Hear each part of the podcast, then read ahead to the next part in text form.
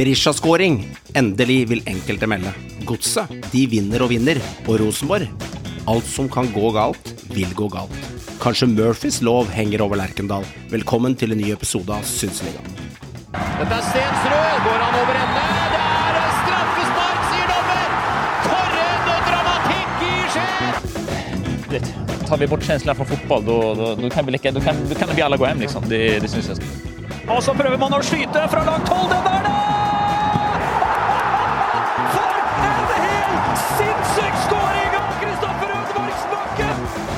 Det ene slaget på trynet etter det andre, men allikevel så har vi, vi har troa. Vi har fremdeles troa. Vi skal være seige hele, hele veien ut. Her er Tengstedt!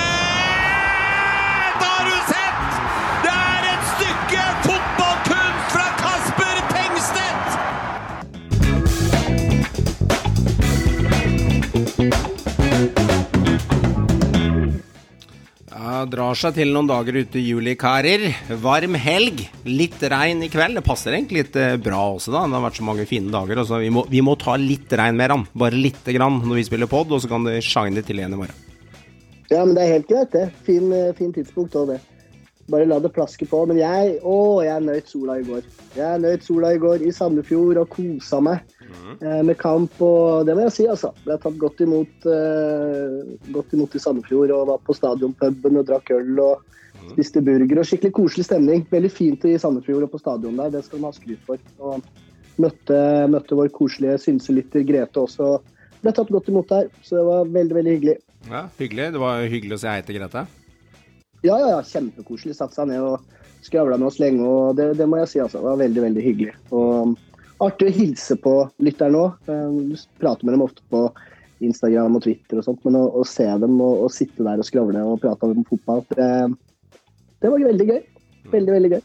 Hy hy hyggelig å treffe en sånn Hva skal jeg si for noe? Som man sier liksom på En medsynser. Medsynser, ja. En medsynser der ute. Annen enn også som driver og synser i en annen del av landet om et annet lag, ikke sant? Ja.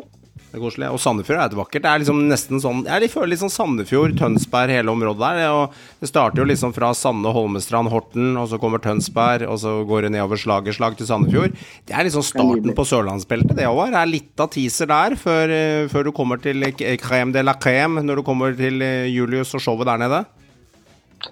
Du, jeg har vært i traktene selv i helgene. Både på denne Follvik familiepark, som er moro for unga. Mm. Og så har vi vært en tur i, på et nydelig sted som heter Kjerringvik. Mm. Som ligger i Larvik. Det er en liten perle Mm. som eh, ligger der i en sånn vik der nede. Der var det utrolig nydelig. Et vennepar som har hytte der nede. og eh, var og kosa oss der, eh, der i går. Eh, Nydelig, nydelig sommervær og deilig badevann og krabbefiskekonkurranse. og Det var ikke måte på. Og da fikk jeg konkurranseinstinktet med en gang. Det var nesten at jeg begynte å klage på dommeren når ikke vi krabba vår vant. Så eh, det, det var på det nivået. Mm. Så jeg måtte nesten bli hysja på. Hva konkurrerte de i? Hva konkurrerte krabbene i? Eller var det størst krabbe? Det var, det, det, det var flere ting, Joakim. Det var minstekrabbe, det, det var minstekrabbe, det var største krabbe, det var flest krabber, og så var det crab race til slutt. slutt. ja, ja, ja. ja. Så det var moro for unga og for voksne. Mm. Så øh, jeg fikk litt overtenning på crab-racen der. Mm. Har du spilt den i drikkeversjon, den crab racen, på en sånn typisk uh, sankthansaften midt på sommeren, da det er eh, sol helt til klokka tolv-ett Det på kvelden? I nord var har vi jo hele tida det, gikk Det var ikke alkohol involvert denne gangen. Nei, ikke sant. Ja. Ikke noe mango i pass, og jøss, det er ikke rart du var hothead da. Var. Nei, det er, det, det er noe med det. Men det var uansett et nydelig sted. Og vet du hvem jeg møtte der, gutter? Mm. Eh, Nils fra Mot i brøstet. Han var der. Å! Gode, gamle Det er Sven Nordin, da. Altså, ja. Ja. Nei, men han er Nils. Det er Nils. Ja. Tok du en prat med- tok du en prat med Nils? Nei, jeg, han var der med barnebarn og sånn. Jeg tenkte at jeg skal ikke være han kleine. Du er ikke han heller. Ikke vær det. Du er ikke han. Det er bra, Håvard. Det er bra, Håvard. Men eh, alle, men alle så jo at det var eh, Sven Nordin som rusla på stranda der, så det var eh, Han var og kosa seg. Så du var på stranda i Kjerringvik, da. Ja, i, eh, både, både ved brygga der og fiska og holdt på med k- krabbene, og så var det på stranda. Ja, Ja, for i Kjerringvik der så stopper jo alt nede ved brygga, så Ja. du kommer jo ikke videre. Nei, du gjør Mhm. ikke det, vet du. Så Mhm. veldig, veldig fint sted. Du har vært der, du òg? Jeg kjenner godt til stedet. Det er Vestfold Finest, det, vet du. Ja, meget, meget, meget fint sted. Joakim, uka di? Jeg har hatt arbeidshelg, jeg. Mm. Så det, så spennende var det ikke. Nei da, jo det var eh, helt greit. Uh, fotballmessig selvfølgelig en kjempehelg. Det er jo ikke noe å komme unna for. Jeg kosa meg. Uh, uh, mens generelt sett Nei, jeg har vært mye inne. Men jeg var inne på lørdag, da var det ikke så bra vær. Og så dro jeg ut på hytta etterpå.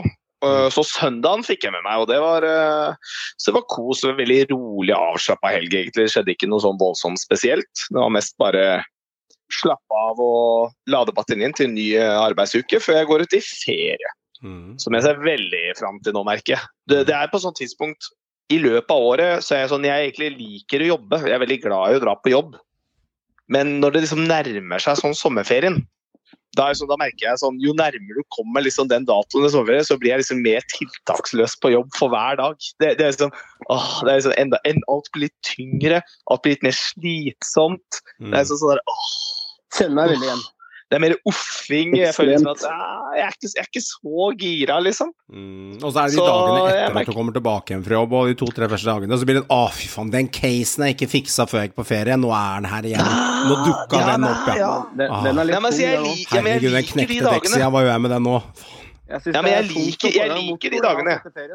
Jeg syns ikke det. Det, fordi Da har jeg savna jobben litt. Da har jeg jobben vært litt mm. for lenge borte. Okay. Så da er, sånn, da, da er, jeg klar for å dra tilbake igjen. Nå er det på tide å komme tilbake på jobb. Mm. Det, som for eksempel grunnen til at fire uker ferie, mm. det er no go for meg. Det går ikke, det er for lenge. Det, det gidder jeg ikke. Mm. Tre uker er helt perfekt. Ja, ja, sånn er det. ja, det ventes på ferie i Bauer og Kanter. Noen har ferie allerede. Jeg tenkte jeg skulle finne noe i glasset, jeg, kara. Og i dag har jeg funnet fram en uh, Juicy Monster Monark. Den har litt sånn Monaco-følelse over seg. Eh, Bilde av, eh, litt sommerfugler på den her. Men det er jo denne deilige lyden, så har jeg en lita ting jeg skal ta opp her etterpå, som jeg syns var Se her, her kommer den. Kommer den ut, så er det oppi glasset. Jeg har et eh, Det er ikke lenge før vi blir sponsa av Monster nå, det er uten tvil. Jo, men sjekk det glasset, gutter. 68 isbiter oppi et pokalglass. Det er god lyd, vet du. Men én ting, vann, det er én ting jeg irriterte meg over på fredag, karer. Da er liksom ferien en gang for veldig mange. Noen jobber, noen har ferie. Men da ser jeg at staten tar sitt snitt og gjør noe faenskap. Og det er den inflasjonen som irriterer meg. Da var det hopp på bensinprisen, diesel og bensin, med 29% på én dag. Oi. Og jeg som kan litt om innkjøp av varer i forkant og full rulle, det er ikke sånn at bensinen på innkjøpet ble dyrere natt fra natt til torsdag til fredag. Det er kjøpt inn i forkant, så det er da at de pumper ut for å trykke gjennom mest mulig i slusa, for å ta mest mulig av turistene som begynner å ta ferie og skal fylle opp tanken. Så i helga så var det 29 hopp. Den gikk fra 18 kroner og 52 øre til 24,60. Jeg bare, hva er det som skjer, liksom? Altså, den hopper 6-7-8 kroner. Jeg syns det var voldsomt. Så jeg ble sånn her, ok, vi er der. Jeg har også justert den seg litt til mandagen igjen ikke i nærheten av det samme. Men det er noen som fakturerer med gaffel om dagen, så vær litt forsiktig med penga nå som, nå som månen begynner å dra seg til. Det er, ikke billig, Håvard, å være kar, om, kar i sommeren 2023. Nei, du merker det på pungen. De feriepenga og uh, skattepenga de går uh, fort ut igjen av konto. Mm. Uten tvil. Ja. Det er ikke så mye igjen når ferien er over. Nei, han er jo gæren, er gæren. Sikkert noen eh, kort som har gått varme andre steder også. Mastercards og full rulle. Så vær forsiktige, karer. Og damer der ute, vær forsiktige. Det koster, det koster, det koster å henge med, for å si det sånn.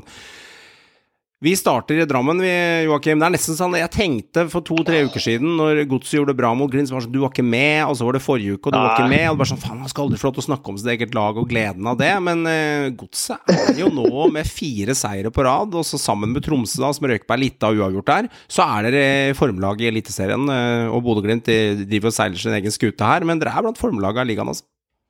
Ja, vi er jo det. Altså, jeg sparte den jo da helt åpenbart til uh, den beste uh, kampen. Så jeg lot de to litt kjedelige 1-0-seierne bare liksom uh, ryke av gårde på løpende bånd. Men uh, nei, det er deilig. Det er, uh, altså, jeg gikk gjennom det og fant ut at sist Godset vant fire kamper på rad, det var i 2017. På slutten av sesongen i 2017. Da vant de til gjengjeld åtte, da, så de kan gjerne gjøre det nå òg. Det mm. hadde jo vært fint, men Skjønner.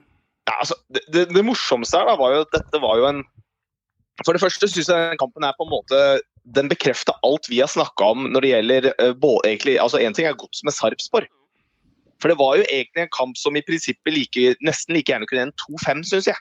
Det var, uh, det var, jo, jo, det var jo det var litt, det var liksom to fruktløse lag som bare gikk rett i angrep etter at de har vært i forsvar, fram og tilbake, fram og tilbake. og Det var jo det var jo I løpet av kampen det var jo snakk om tosifra antall store målsjanser til begge lag. Ja, og XG er spesiell her, hvis du skal måle sånn statistikk Ja, altså det- som ikke gjelder, men den gjelder jo sånn Ja. skjult. Så er XG-en spesiell, for godset er ikke i nærheten av 5-0 i XG.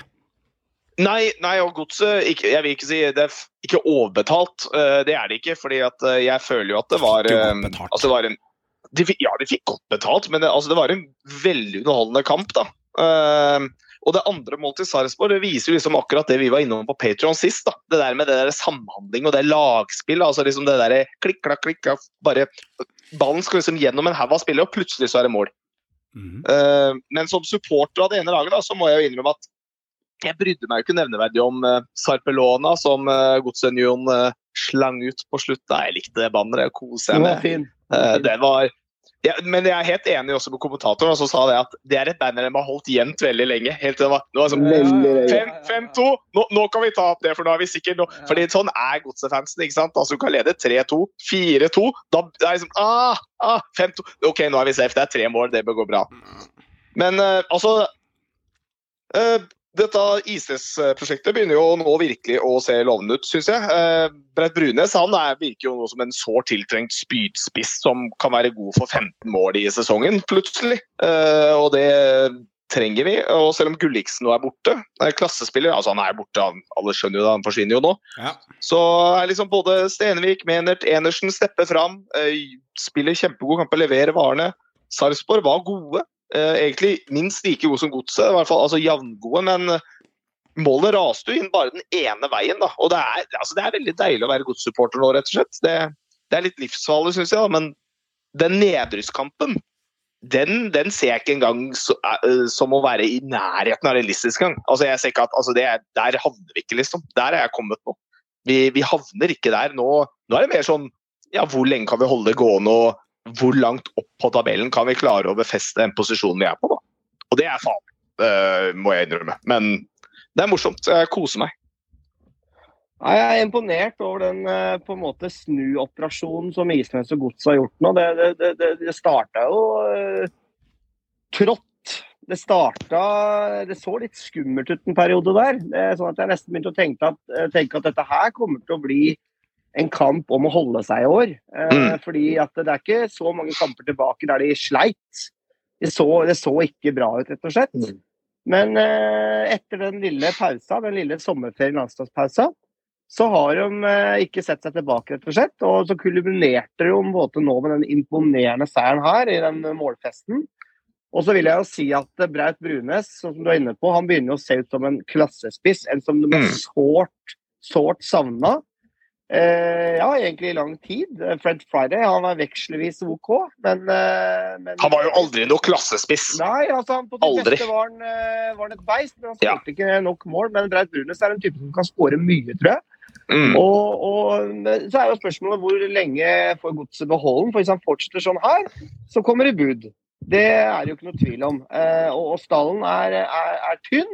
Men nå må vi jo glede oss først og fremst over at Godset spiller feiende flott, flott angrepsfotball. Det er en stund siden sist, syns jeg. Det er lenge siden jeg har sett. og jeg må si jeg er imponert over den eh, jobben Isnes og teamet har gjort, med, med begrensa midler. Det er henta fra Obos, det er egenutvikla, det er noen gamle slitere som har vært der over tid. Men så har de også fått inn De har ikke henta på, noe, på noe høy hylle, da.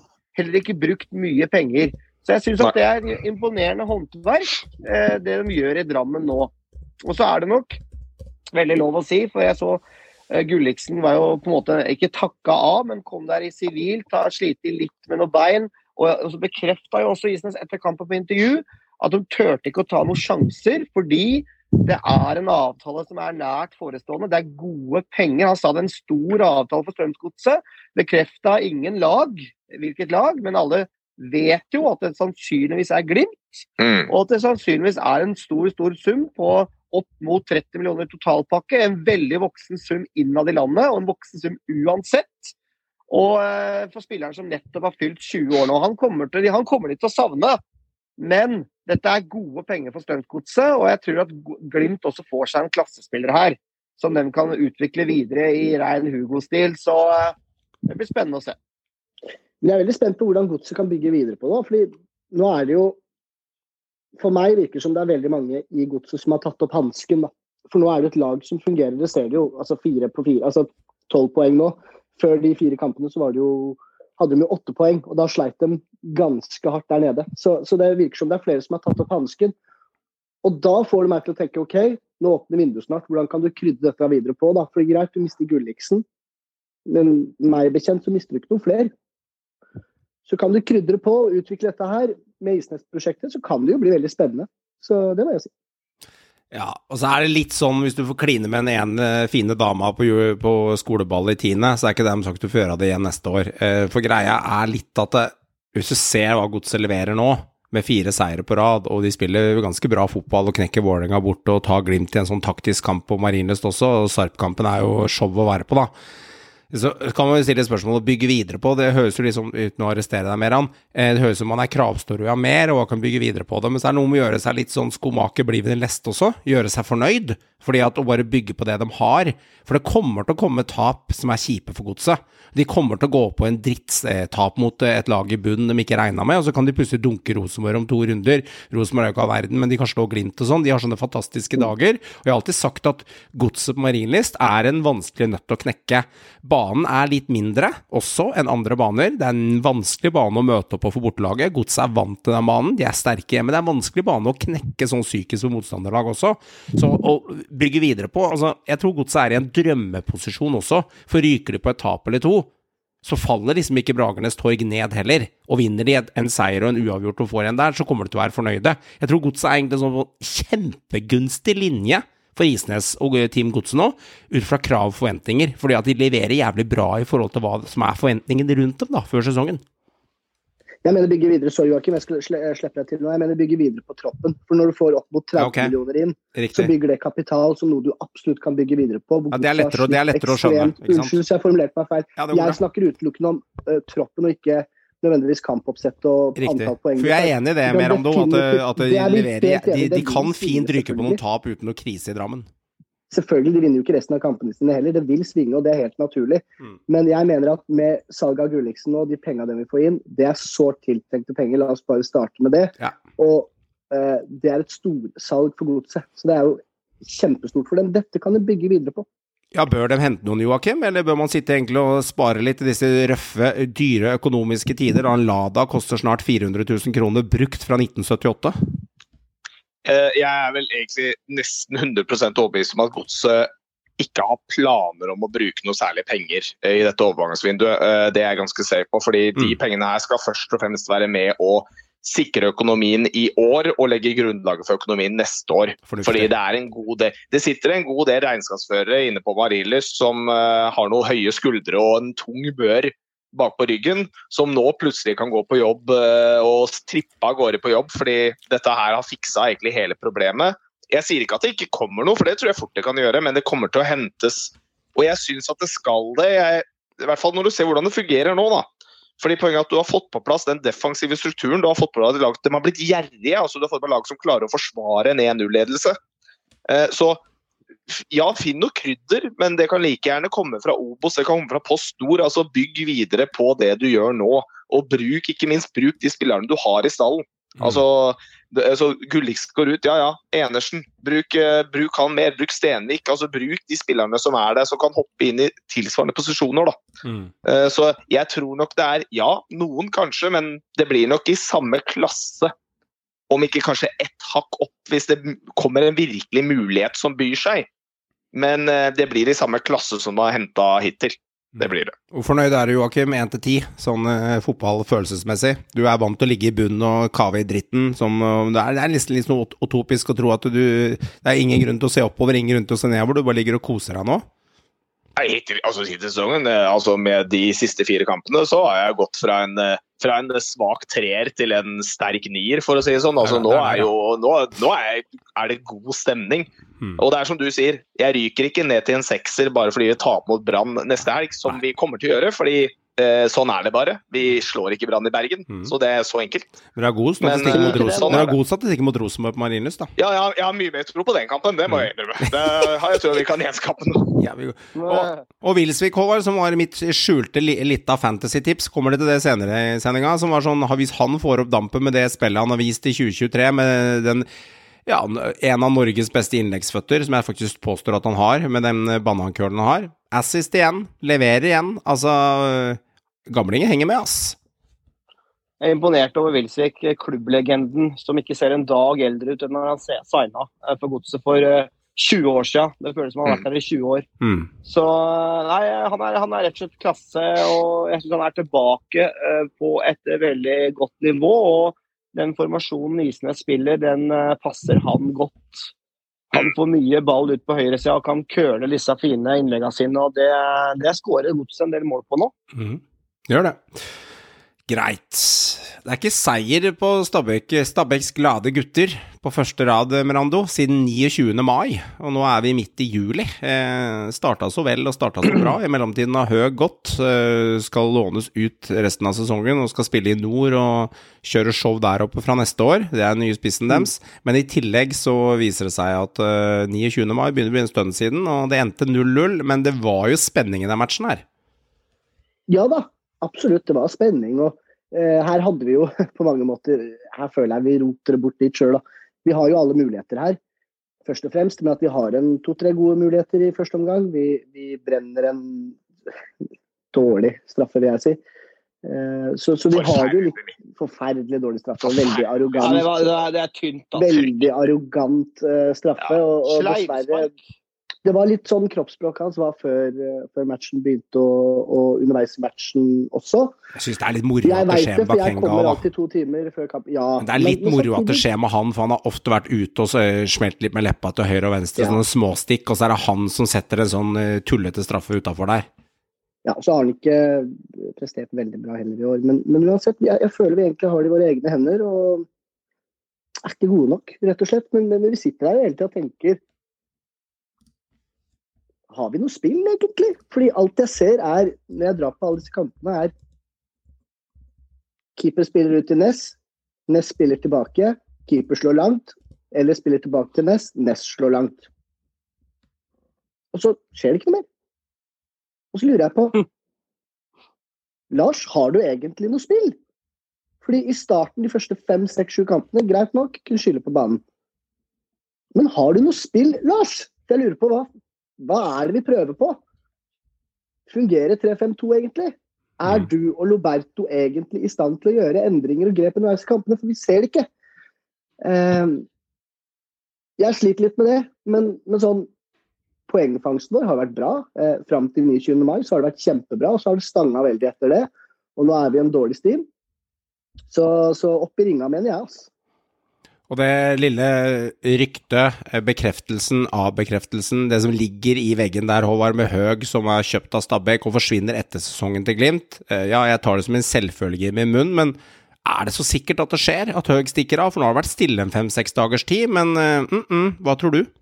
Det eneste som er sikkert, det er at Stabæk har benytta seg av opsjon mm. og har signert ham permanent. Mm. Og det sies eh, heller ikke bekrefta noen sum, men at det var en, rundt en fire millioner. For eh, fra Aalborg, der han var lånt ut fra, Aalborg som rykka ned i, i, Danmark, er et uh, Obos-lag i dansk målestokk nå. De har henta han. Uh, Stabæk er, er, er, selvfølgelig, som vi vet, de er, er anstrengt økonomi. Og jeg tror at, som vi snakka med Tom om sist også, det, at får de Stabæk en 8-9-10 millioner. Det er 50 eh, avkastning, det, på summen du, du, la inn. Og jeg tror fort at uh, hvis de selger han til Glimt nå, og får beholde han ut sesong, det lever Stabæk greit med, tror jeg. Uh, og jeg tror det er store muligheter for at Glimt henter han, med at han spiller ut sesongen på Nadderud. Og Det tror jeg nok er et lite krav hos Stabæk, faktisk også at de skal beholde sin spydspiss ut sesongen. Uh, så her kan det hende andre klubber som kaster seg på. For såpass god og spennende er denne playboyen fra Danmark. Han har jo vært deres profil med han, og deres X-faktor, hvis skal Beste si det på den spiller, måten. Far. Uten Beste tvil. Men jeg føler det er litt sånn at Lars nå fortsetter å spille som at det skulle være en dårlig bane dere spiller på. Og nå må det kanskje skje en liten utvikling i spillet deres. Joakim, eh, Kasper Høeg til Bodø-Glimt. eh, Karakter, playboyen, minibentner i ettertid. Bortsett ikke så mye skandaler, men har jo både utseende og beina og kroppsfasong og hele greiene til å både sjarmere damene og fotballen på banen. Men er han riktig spiss som enten backup eller som førstespiss i Bodø-Glimt fra 2024-sesongen? Eh, Jeg tror at han kan fort bli det, ja. Det er noe med liksom Altså, de har fått til folk med litt attitude og litt sånn før der oppe, og jeg tror absolutt han kan bli det. Eh, Ikke per nå, for jeg tror Farris er for god, så han ikke, hadde ikke konkurrert ut han, men utover tida. Men jeg tenkte mest altså, En ting er høy, men jeg ville mest nå også, som mer han var så flink og satt og pratet faglig om Stabæk, så kan jeg få lov til å skyte bare den der svære elefanten i rommet, da Skyt. og si liksom at det er to Altså det er to hendelser. Én er jo det håpløse straffesparket til Bakenga. Altså det er håpløst. Uh, han tok det som en mann i pausen, det skal han ha. Han, eh, pauseintervjuet, han tok det som en mann og tok alt på seg. Forklarte hvorfor, og sånn skjer. Sånn er det, jeg går videre. Men det ble jo fulgt opp av en helt helt hårreisende idiotisk VAR-inngripen der på overtid. Eh, for jeg, jeg er ikke utelukkende uenig i offside-avgjørelsen. Det er jeg ikke. Eh, altså sånn rent, Den kan forsvares, den. Den er streng, men den, den kan helt fint forsvares. Men dette her er jo ikke VAR sin jobb. VAR sin jobb er å rette opp åpenbare feilaktige dommeravgjørelser. Mm. Uh, og det, det, de har ingenting med å blande seg inn i denne situasjonen her å gjøre. Ja. Ingenting. Ja. Altså, dette er, så Nei, nærme du, dette er så nærme du kommer en skjønnsmessig offside-vurdering av en dommer som det går an. En dommer kan fint si både ja og nei til den, avhengig av om han mener om den spilleren var direkte involvert i spillet. Og det er ingenting som sier det at han åpenbart var direkte involvert i det, i det målet.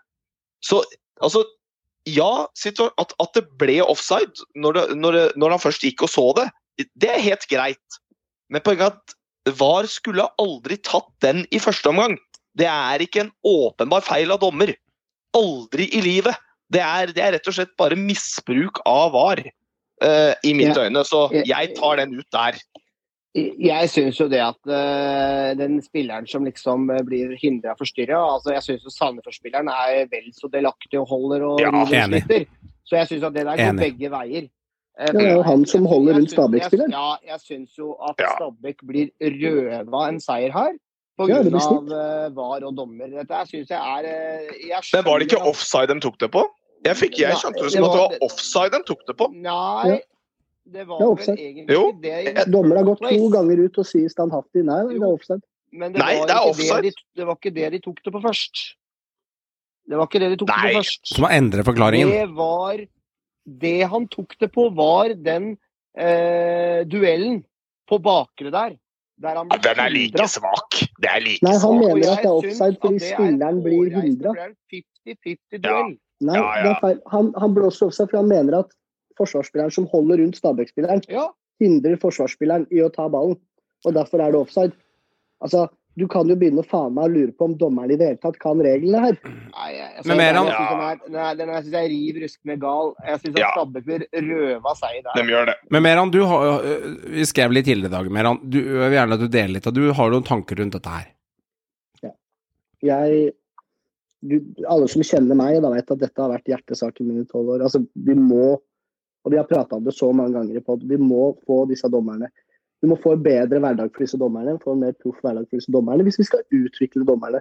Nå har norsk fotball vært i stor utvikling i mange år. Det skjer fortsatt ingenting med våre dommere. Hvorfor? Jeg, jeg lurer så intenst på det. Hva kan vi gjøre for å bli bedre? Jo, vår president Lise Klaveness hun må ta tak i dette her. Hun må ordne en bedre hverdag for dommerne, sånn at vi får en utvikling på det. Sånn at vi får dommerne ut, at de får trent hver eneste dag. Er det ikke rart, gutter, at vi har et nytt system inn som dommerne skal håndtere, som krever ganske mye? Og så er de ikke ansatt. De er fortsatt innleide. Det er fortsatt de samme deltidene som sitter i varebussen eller rommet og skal håndtere dette her. Og det er de samme dommerne som er ute på banen, som overhodet ikke kan reglene. Folk roper 'fuck var'. Ja, greit, fuck var. Men la oss begynne med de som sitter og tar avgjørelser. La oss begynne med å utvikle disse dommerne. Fordi det hjelper ikke at Bodø-Glimt kommer til Champions League hvis vi fortsatt har disse dommerne her uke inn uke ut. Vi må utvikle dem. Ta Rohit som et eksempel. En av de største dommertalentene vi har hatt i landet. En av de mest lovende, en utrolig dritgod dommer. Han har både dømt meg, jeg har sett han dømme flere kamper lokalt i Drammen. Hva skjedde der? Jo, det som skjer er at du blir en profesjonell toppdommer, aka innleid fotsoldat. Du mister jo oppfølginga. Hvordan kan du utvikle deg og bli bedre i hverdagen? Og Det er derfor det har stoppa opp for Rohit. Det er derfor han nå er en dårlig kampleder. Det er derfor det alltid er kontroverser. Vi må for guds skyld gjøre noe, og nå må Lise Klaveness på banen. Jeg, jeg, fucking dare you til å komme med en ny Qatar-post. Da skal jeg slakte deg på Twitter. Kom igjen, gjør noe for dommerne her. Gjør noe for ligaen vår. For dette her går ikke i lengden. Det går ikke i det hele tatt. Vi har mast om dette her i tolv år. Nå må vi gjøre noe. Hva er, det, hva er det Terje Hauge gjør? Jeg forstår det ikke. Nå må vi begynne utviklingen. Slutt med tullet. Rett og slett. Det er der vi må begynne. Jeg skjønner. Eh, Jeg føler liksom at det virker som dommerne også driver og synser. Altså Det er fint at vi har en pod som heter Synseligaen. Vi må ha litt slindringsmonn og ha litt leken pompøshet som vi driver med.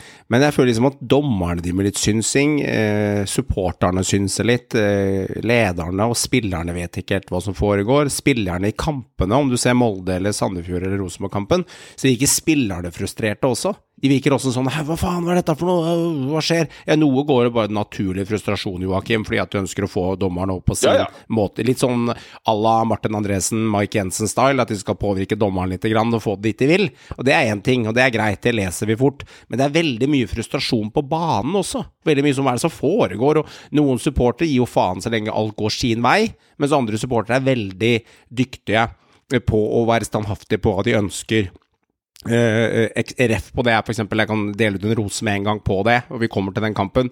Lillestrøm-supporterne, eksempel. I kampen når, når Akor Adams får den straffa når Siljan sparker eh, Lundemo, tidligere også spiller rett i eh, ballefestet, og så får eh, Lillestrøm en korrekt straffe, som er en straffe. De får en straffe tre minutter på overtid på Lerkendal, men Lillestrøm-supporterne skal ha for én ting, altså. De jubler ikke på den straffen, selv om André Hansen redder først, og så nikker de inn. De sitter helt rolig på tribunen, holder kjeft og velger ikke å juble, fordi de protesterer mot VAR at seieren kommer på den måten. Da er du faen meg dedikert som fan. Du har reist fra Romerike opp til Lerkendal. Ta med deg tre poeng. Får de poengene du vil ha, og du avgjør det på overtid, Joakim, og fortsatt velger du ikke å juble, da, da, da, da sitter det hatet langt inne mot VAR. Ja, men for meg igjen, da, det går litt andre veien. fordi poenget er at der gjør jo VAR akkurat den jobben den skal gjøre. Fordi Ja, jeg, jeg forstår, men hvis du hørte på hva jeg sa Ja, ja, jo, Det virker som alle synser sin teori her.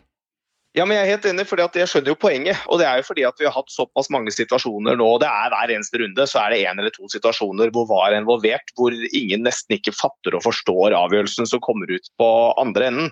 Eh, og, det er klart når og da mister du jo den tiltroen som nå, da. F.eks. den situasjonen her da, hvor man ikke jubler. Nei, det er fordi der gikk jo VAR inn og gjorde akkurat det VAR er ment for. Men det kommer ikke inn gjorde- på skjermen. Nei, Du ser og- nei- ikke hva det gjelder. Det det Nei, nei, det, nei, nei men, det er, men det er greit. Men uh, jeg bare sier liksom VAR funker jo uh, i veldig stor grad uh, mange ganger. fordi poenget er at det har retta opp, og det har gjort det i hele år, retta opp feilaktige situasjoner og fått riktig øh, avgjørelse slutt. Selvfølgelig, det er, det er flere riktige avgjørelser enn feil, men det er ikke det folk husker. Det er ikke Det er det som er problemet. Det er ikke Jo, det er det. Jo, det er det. Er det. Men, men folk husker jo ikke de avgjørelsene. Vi husker den der eh, Odd-kampen med der, var det Viking-Odd med den der hånda som traff noe bein, og Ja, som helt åpenbart var Ja. utafor straffefeltet, som alle så var utenfor straffefeltet, som ble straffe. Altså, Det er sånt man husker, da. Og Samme med den nå mot Stabæk. Du husker jo ikke det at faktisk da Eller vi husker det nå at var retta opp en straffespark for LSK mot RBK. Men Bakenga-Hensen, Det blir- som ble godkjent. Bakenga Hensen, ikke minst! Den er syk. Altså, ikke sant? Altså, her, altså, ja, Ja. det er, det Eller er Henriksen sparka ned Eller Henriksen kickfly Ja, ja. på, kickfly på Lerkendal. Sparka Ja, ja. ned. Bare gult kort. Det er liksom det man husker, ikke sant? og det gjør det dumt. Så jeg er helt enig med Meran. Altså, det er de som bruker VAR som er problemet. Det er ikke VAR i seg selv, men det er kompetansen til menneskene som bruker VAR, ergo dommerne og de som sitter i denne VAR-bussen, som også er dommere. Ja, man kan bli frustrert av mindre. Jeg mener at den rosa til Lillestrøm, da, før vi kommer til den kampen etterpå, den står med tanke på at de er så standhaftige og faktisk velger å protestere mot det. Eh, Din tanker, Håvard, før vi går, videre til um, endelig Veton-show for Molde? Det som jeg syns er eh, holdt jeg på å si nesten litt komisk, Det er også uttalelsen til dommer etter kampen. Eh, vi er i en prøveperiode. Vi prøver og feiler og litt sånn. Eh, litt sånn, litt sånn opplegg. Det er han Eh, sier prosjekt. Ja. Det er, altså, det er en sånn, akkurat som at de er en sånn- på sånn treningscamp. Dette her skulle de jo gjort før sesong. Mm. Og fått tid, sted og rom og penger til å øve og trene og skjønne dette her. Ikke når det står om tre poeng. Mm. Altså, det er ikke bare denne enkelt, er ikke bare denne enkeltepisoden. Men dette her som vi snakker om nå, det er utallige eksempler på hvor dårlig egentlig det har fungert med VAR, for å si det rett ut. Ja, det er eksempler på der de har tatt og vært på kornet, og det har vært gode avgjørelser. Men dette her er de ikke trygge på. Og det er en sånn derre Wish billigversjon som vi sitter med. Og da begynner jeg å lure på om det egentlig er verdt det, altså. Sist gang jeg hadde prosjekt, Joakim, det var når vi satte sammen grupper i femte klasse på barneskolen, der læreren sa nå skal vi ha naturfagsprosjekt. Du hadde på ungdomsskolen òg, kanskje? Ja, ungdomsskolen òg. Du, er skjønner- du skjønner jo hele poenget mitt, da. Altså, det er jo, Om jeg holder på ungdomsskolen eller barneskolen eller førstegym, liksom. Det er liksom nå skal vi ha prosjekt, fire og fire i grupper som jobber, og så skal vi se hva som skjer med naturfag og grønne planter. Det er litt sånn over det. Men det er litt typisk Norge òg. Hver gang staten i Norge driver med et eller annet faenskap, så setter man ned et utvalg, og så setter man ned en kommisjon. Og de bruker jo ett til to til tre år på å utrede noe. I mellomtiden så er x antall lidd av noe. Noen har daua, og noen har blitt sjuke. Ikke sant? Og det er det samme her. Vi setter ned et utvalg, kommisjon, og så kaller vi det et prosjekt. Og de skulle ha ti serierunder. Nå tenker jeg de sier ut sesongen når vi kommer på midtsommerskjellen en gang. Så det er litt klassisk norsk over dette også, Joakim. Men det skal sies at jeg har blitt imponert om VAR hadde fungert etter 15 serierunder i Norge. Fordi jeg, har- jeg har fulgt med på Premier League, Ja. og de brukte langt over en sesong for å få det til å fungere. Det, det fungerte sånn halvveis ut i andre sesong, og så hadde de et tilbakeslag igjen eh, sånn halvannet år etterpå. Så altså, det, det, er, det er riktig det den sier, da. Det er litt prosjekt, for de må klare å finne linja. Men det er feil nå i begynnelsen. Altså, det, er, det sier seg selv. Det brukes feil. Ja, det brukes feil. Eh, De sa det ikke betydde så mye, Håvard, om eh, Veton scora. Men når scoringa kom, så så det ut som at halve spillerne som kasta seg over halsen på Veno Berisha, hadde sett Jesus på Mosesberget. De sto nesten og grein rundt den inne i 16-meteren der, så noe betydde det.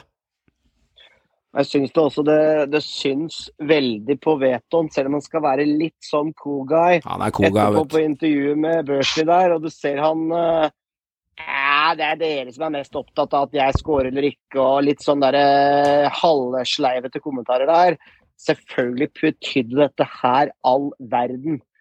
Altså, gutten har hatt ele en elendig start. Han har vært skada, han, han har ikke skåret. Han sto med smultring. Vi snakker Flamur Kastrati-tall her. Eh, selvfølgelig betydde det all verden for både han sjøl og Molde. Du ser det, som du sier, Johan, Mm. på hvordan lagkameratet feirer. Skulle tro han hadde avgjort en eller annen finale. Sjekk Breivik, som holder rundt den bakfra. Eh, Han skårer liksom på overtid. Han, han slipper nesten ikke taket. Han bare-. Så glad han ser ut. Ja, Han er opp til himmelen og jubler, og det er ikke måte på. Selvfølgelig er dette ekstremt viktig. Og så var det på en måte litt sånn skrevet i stein at det, det er nettopp nå han skulle sett den. Jeg hadde, jeg hadde sånn følelse faktisk sjøl at når han kom inn I dag kommer første skåringa. Altså, altså hallo, liksom, det, det er jo piss. Altså, det tok bare tre måneder med eliteseriefotball før Berisha, som kosta 40 millioner kroner, klarte å skåre mål. Altså, slutt, liksom. Altså, selvfølgelig var dette viktig for Molde. Ikke minst for Berisha, selvfølgelig var det viktig. Altså, han kan ikke la det gå tre måneder til nå, før han skårer det neste. Fordi poenget er at Da er han jo helt tilbake igjen for å være en, et, en flopp. Altså, nå må han fortsette. Jeg håper jo litt at han fortsetter. Ikke det nødvendigvis at jeg heier på Molde, men for hans sin del, og for, Molde sin del, så håper jeg han nå fortsetter og finner tilbake igjen til den Berisha-formen han hadde sist han var i Eliteserien. Men eh, altså det, det, det var som du er inne på, Håvard. Det sier jo seg selv at det, det måtte komme i kamp mot Brann. Eh, åpenbart kommer innpå der. Det var litt skrevet i stein. Det, det var det, altså. Og, ja, altså, ja, igjen for å ta det litt videre. altså Molde dem, dem er nå tilbake i litt sånn god gammel form, føler jeg. Eh, det var en overbevisende seier, syns jeg. altså Brann hadde sine muligheter, men det var vel fortjente tre poeng til Molde den kampen der. Eh, Molde styrte mesteparten av kampen, og Brann var farlig frampå her og der, men jeg, jeg, jeg følte vel egentlig aldri at Brann trua Molde i veldig stor grad. Og med tanke på hvordan Brann har vært hittil i sesongen, og Molde, så betyr jo det at Molde har hatt et lite skifte, da, hvor de nå har begynt å finne litt tilbake igjen til eh, på en måte gode, gamle Molde fra i fjor. Ja, altså, jeg syns jo Molde er eh, De er veldig gode første omgang. Brann blir på mange måter spilt av banen. Eh, Mm. slit, sliter. Ser ikke ut som det Brannlaget vi har sett, eh, sett i år. De så ut som et Obos-lag. Eh, heldig som ikke, ikke ligger under mer. For, og også litt udyktig av Molde, rett og slett, som ikke klarer å skåre. For De hadde så mye sjanser. De rulla opp og rulla opp, særlig på venstresida der. Med Mm. Kristoffer Hau- Haugen som kom rundt og rundt og rundt. og rundt, og eh, Det er jo egentlig litt udyktig av Molde som ikke skårer, men som sagt også Brann er heldig. Og for så vidt også kanskje OK til å forsvare seg, da. Andre omgang så syns jeg det er, eh, det er ganske åpent. Det er Brann farlig frempå. Og da har Brann mye ball. Og eh, jeg var sikker på det var mål der, men det er jo da VAR eh, og, og, og dommer som på Holdt jeg på å si kusehåret. Eh, eh, tar den offsiden, og det er korrekt offside. Det er på millimeteren, holdt jeg på å si. Det, det, er, det er jævlig på nære at det der er onside. Det var et fint angrep, og Brann skaper noen halvsjanser, ikke sant? men det er sånn typisk da når et lag presser og prøver å holdt jeg på å si, tømme seg litt for å få et mål.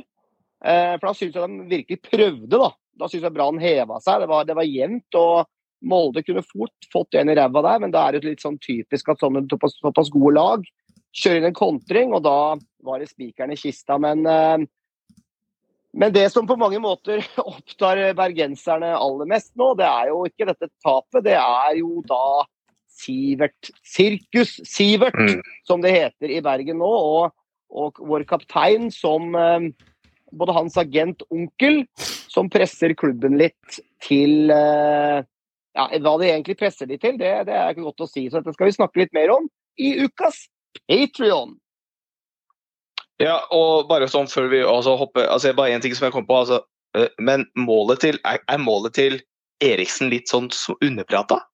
Jeg har, ikke hørt, jeg har ikke hørt så mye om målet til. Han, han, han, hæla inn den ballen fra liksom langt ut i 16-meteren. Hælflikkerne. Ja, er litt heldig der òg, da. Er litt Jo, men- ja, men drit- i om det er Ja, drit i om det er heldig. Han, her, han gjør det jo med vilje. Ja, det er greit. Jeg ser den. Og han treffer jo! Ja, det er greit. Det er Altså, det er jo klassemål! Jeg er enig. Jeg er enig. Han er fortjener blomstene. Han gjør det. Ja, det syns jeg, altså. Han må få litt skryt. For jeg, ikke, jeg, har hørt- jeg har ikke hørt så mye om det målet etter den kampen, egentlig, og det føler jeg er litt sånn ufortjent. Det har ikke gått mange timer heller, da. Funny, gutta. Nei! Eh, litt sånn eh, brannfakkel, men hadde dette her vært en sånn krydderspiller som har dette repertoaret liksom litt i seg, da hadde vi hausa opp som faen. Men så er det litt sånn trause Christian Eriksen fra Elverum. Det er, så, det er ikke så farlig, liksom. Altså, så, ja, dette er flaks, liksom. Det er litt sånn holdning vi har. Så det er jo klasseskåring. Ja, det er litt sånn. Det er nydelig. Og det bringer meg litt over på hadde det vært en Bon Suba, da, som eh, ja.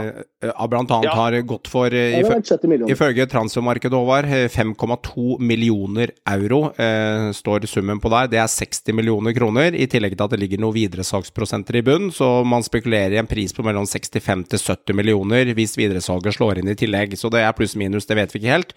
Men 5,2 millioner euro er det som ligger inne i transfermarkedet, så håper vi det er korrekt, og det pleier å stemme. Når du putter på 5,2 og ikke skriver fem. da skjønner vi at de tallene er ganske ville. Det er en spiller, Håvard, som ikke har hadde han satt ned en Halfrick-scoring, så hadde vi sagt fy faen, sjekk repertoaret til guttungen. Når det er eh, en, en barnehageonkel, tante fra Innlandet, som har gått til Molde og gått etter penga og sportslig suksess og Europa, som han, Eriksen har gjort, som er helt fair å gjøre, så blir det litt sånn eh, Jeppe på Bjerg over det. Da roer det litt ned. Men eh, Bonsuba sin overgang, det sier egentlig litt om hvor norsk fotball står akkurat nå.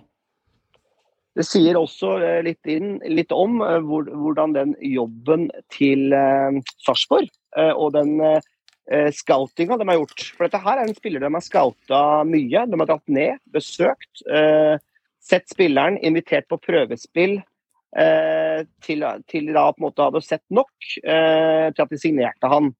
Og vips, vaps, vops, 12-13 kamper senere så er han solgt for oppimot 60 millioner. Så meget godt håndverk av Sarpsborg. Uh, gutten går til uh, topp to-klubb i Belgia. Uh, det er Gift Orban sin klubb. Genk, Sander Berge sin tidligere klubb. Så det må jeg si er Det var før. Det var, det var tidligere enn det jeg trodde. For å si det sånn. Jeg trodde mm. han kommer til å spille litt lenger, men voldsom overgang for Sarpsborg og stor, stor sum som kommer dem veldig til nytte, kan du si. Og så tror jeg dette er en spiller som vi kommer til å høre mer om Gent. Gent Men han har jo ikke akkurat Han har jo Han har gått til Genk, Genk. Meran. Men hvis han gikk til klubben til Gift, så er det jo Gent. Ja, da blanda jeg. Men det er Gent han har gått til. Ja. Gent er vel klubben til Gift, ja. Ja, men han har jo ikke akkurat revet ned huset spillemessig heller. Er Ja, han har alderen, eh, han har ferdighetene, og speidere Ja. ser etter andre ting enn bare synsere og folk som ser etter bare målpoeng. Jeg skjønner at han har en totalpakke, litt Fofana-style over det, men igjen så er det sånn jeg, må si Kall meg idiot og litt kenneren fra nord nå, men jeg må si at de betaler jo for en fremtidig avkastning her ganske Ja. tidlig. Ja, ja. Men, men, men, det, men det skjønner jeg at de gjør, faktisk. For at det er en spiller som da kom rett fra et akademi, og som har tatt nivået sånn. Han er 18 år gammel, og det, det han har vist Ja, han har ikke skåret mye mål, men han er kantspiller. Og han har ikke hatt voldsomt mye assist heller, men det, det han har, når han har vært på sitt beste, måten han har leika med Bekke på, måten han, er, måten han er, klarer å utfordre og komme seg forbi mannen sin, han har noe helt eget. Og det, Det koster penger. Og så har du alderen 18 år, altså. Mm. Altså, Mm. det er, eh, det er eh, Han er en diamant som de skal slipe videre der ute i, i, i Belgia. Så jeg tror at dette her er en spiller som eh, vi kommer til å høre mer om. Eh, Og så syns jeg det er all honnør til Sarp som får den filmen. summen. Hello, everyone. This is Aqua Jerome Adams, the striker for Lillestrøm Football Club. And uh, you are listening to Sinselegan. And if you want to stay tuned with all of Norwegian football, I recommend that you keep that dial open. Det er, det, er meget sterkt salg, og det ble jo lovord om denne spilleren allerede ti, tidlig januar, tidlig februar måned 2023. Folk sa de så noe spesielt med han på Malanga, Malaga eller disse stedene han spiller disse treningskampene. Eh, og Så det har jo ligget noe der hele tiden, og det er noen som tar ut dette her og ønsker å få det potensial til sin klubb før det eventuelt klikker en gang til i sum. Men jeg må si det er voksent. Jeg må, jeg må si vi får godt betalt for spillere fra norsk liga om dagen, men at det er moro, det, det er jeg enig i. Håvard, jeg vil ta én ting med Veton. Ja, nå har vi slengt mye dritt. Nå har folk hatt mye moro på Twitter. Nå har folk snakka om 37-40 mil og lager nesten egne emojier inne på Apple-telefonen av hvor håpløs overgangen er, og man spyr rundt seg penger. Men kan dette være det som løsner? Eh, Molde nå møter Enga, Sarp og Stabæk. Det er tre overkommelige motstandere for Molde, med den ka- eh, kapasiteten Molde har. I tillegg til at det kommer dette akkurat i den tiden når de skal ut i Europa. Plutselig kan det være henne Molde ler sist til slutt her, når de har den spissen som begynner å få det ene målet her og ene assisten der. Skal jeg huske på det at eh, ja, han har ikke skåret eh, mål. Og han har også slitt med skader. Jeg skal også sies med all respekt til Veton, han har vært ute med skader. Mm. Eh, det er som du sier, Krog, det er på en måte nå det begynner. Nå Riktig. er Molde i gang. Det er los på medalje. Og, de skal ut i Champions League kvalik. Så det kommer kanskje i grevens tid i forhold til et nå et gruppespill. Jeg tror nok kanskje at Champions League blir vanskelig uansett, men å nå f.eks. et Europaliga-gruppespill, og så har du da en spiss som begynner å spille seg i form, og ikke minst Ola er i form. Ola Brynildsen er i veldig god form, og hvis du får da eh, Veton i samme type form og skal være en, en kampavgjørende spiller altså, Alle vet Christian Eriksen han spiller spiss som eh, en reserveløsning Ja. fordi at de andre er skada. Og ikke er Kitolano òg, for øvrig. All, all, Kitolano Mm. for øvrig syns jeg er uh, slepen. Han uh, også, uh, tok teamet, han også. Vi Ja. etterlyste hvorfor han ikke spiller. Han har starta flere kamper på rad, og han, han har også noe ved seg. Han er i gang nå. at det Molde-laget her kan stenge igjen og ligge og kontre på laget i Europa med den, eh, den targeten de har foran, og det backspillet Molde har, med Linnes og Haugen som raser oppover langs sida, det skal du ikke se bort fra at Molde kan slå for seg Europa på. Så, så at de er i, begynner å komme i form nå, det gjør de. Jeg tror ikke på noe gull, det er for altfor langt opp. Mm. At Molde er en, en soleklar sølvkandidat nå, det tror jeg de er.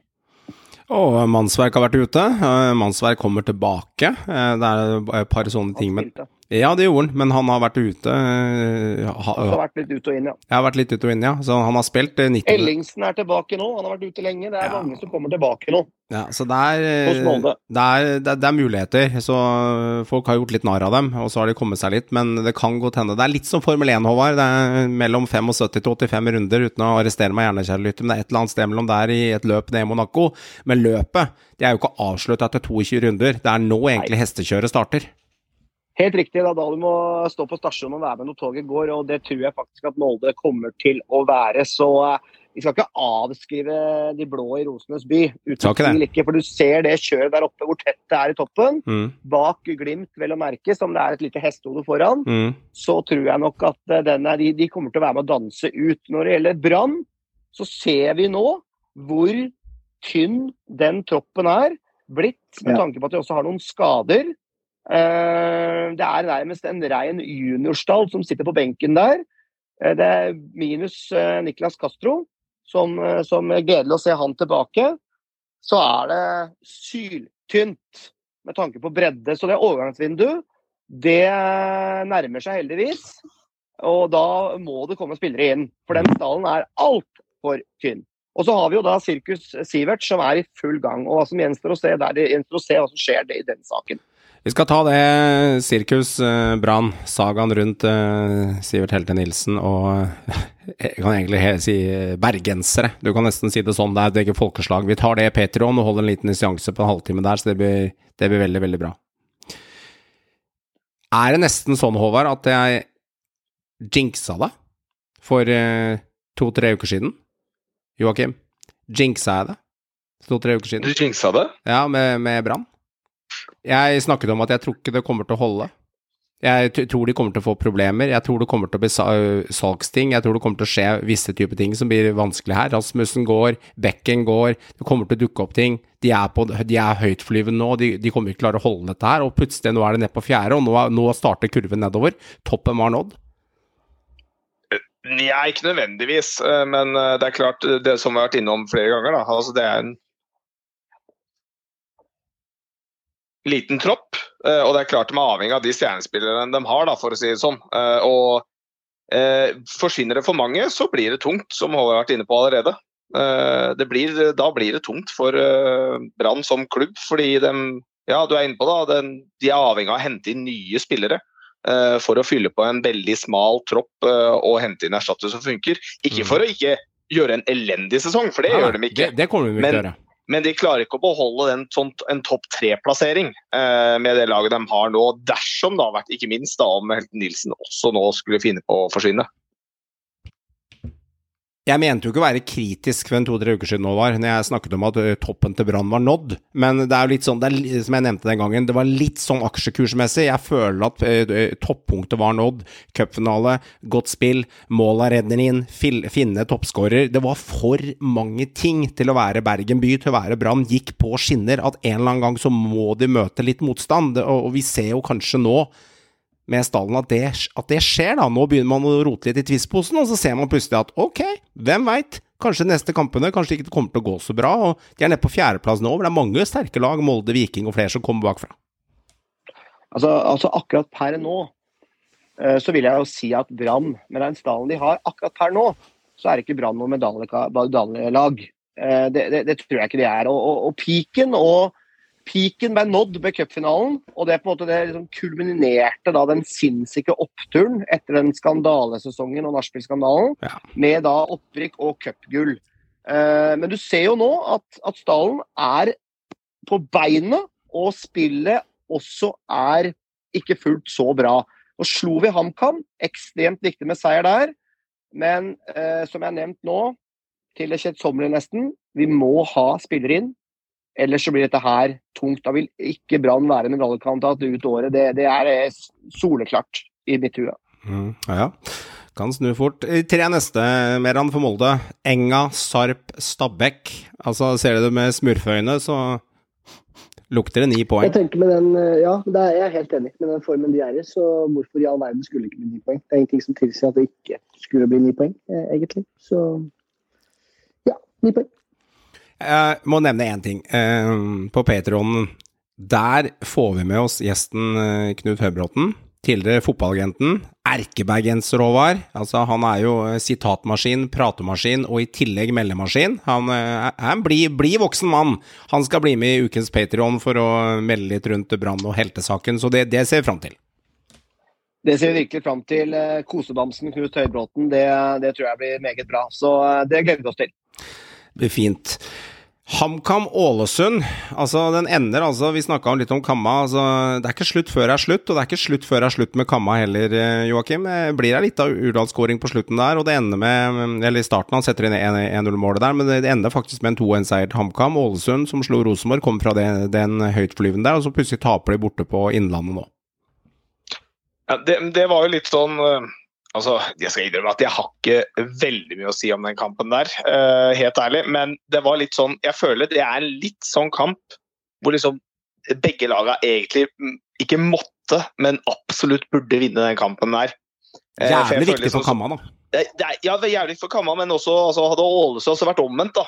Altså ja, da, Det laget som tapte den, er jo de som nå står helt på bånn. Uh, vel å merke bare tre poeng opp til uh, kvalik, ja, ja. men du står på en måte helt på bar bakke på bånn der. Riktig. Eh, så veldig viktig for HamKam, ikke minst eh, med tanke på den formen de har vært i.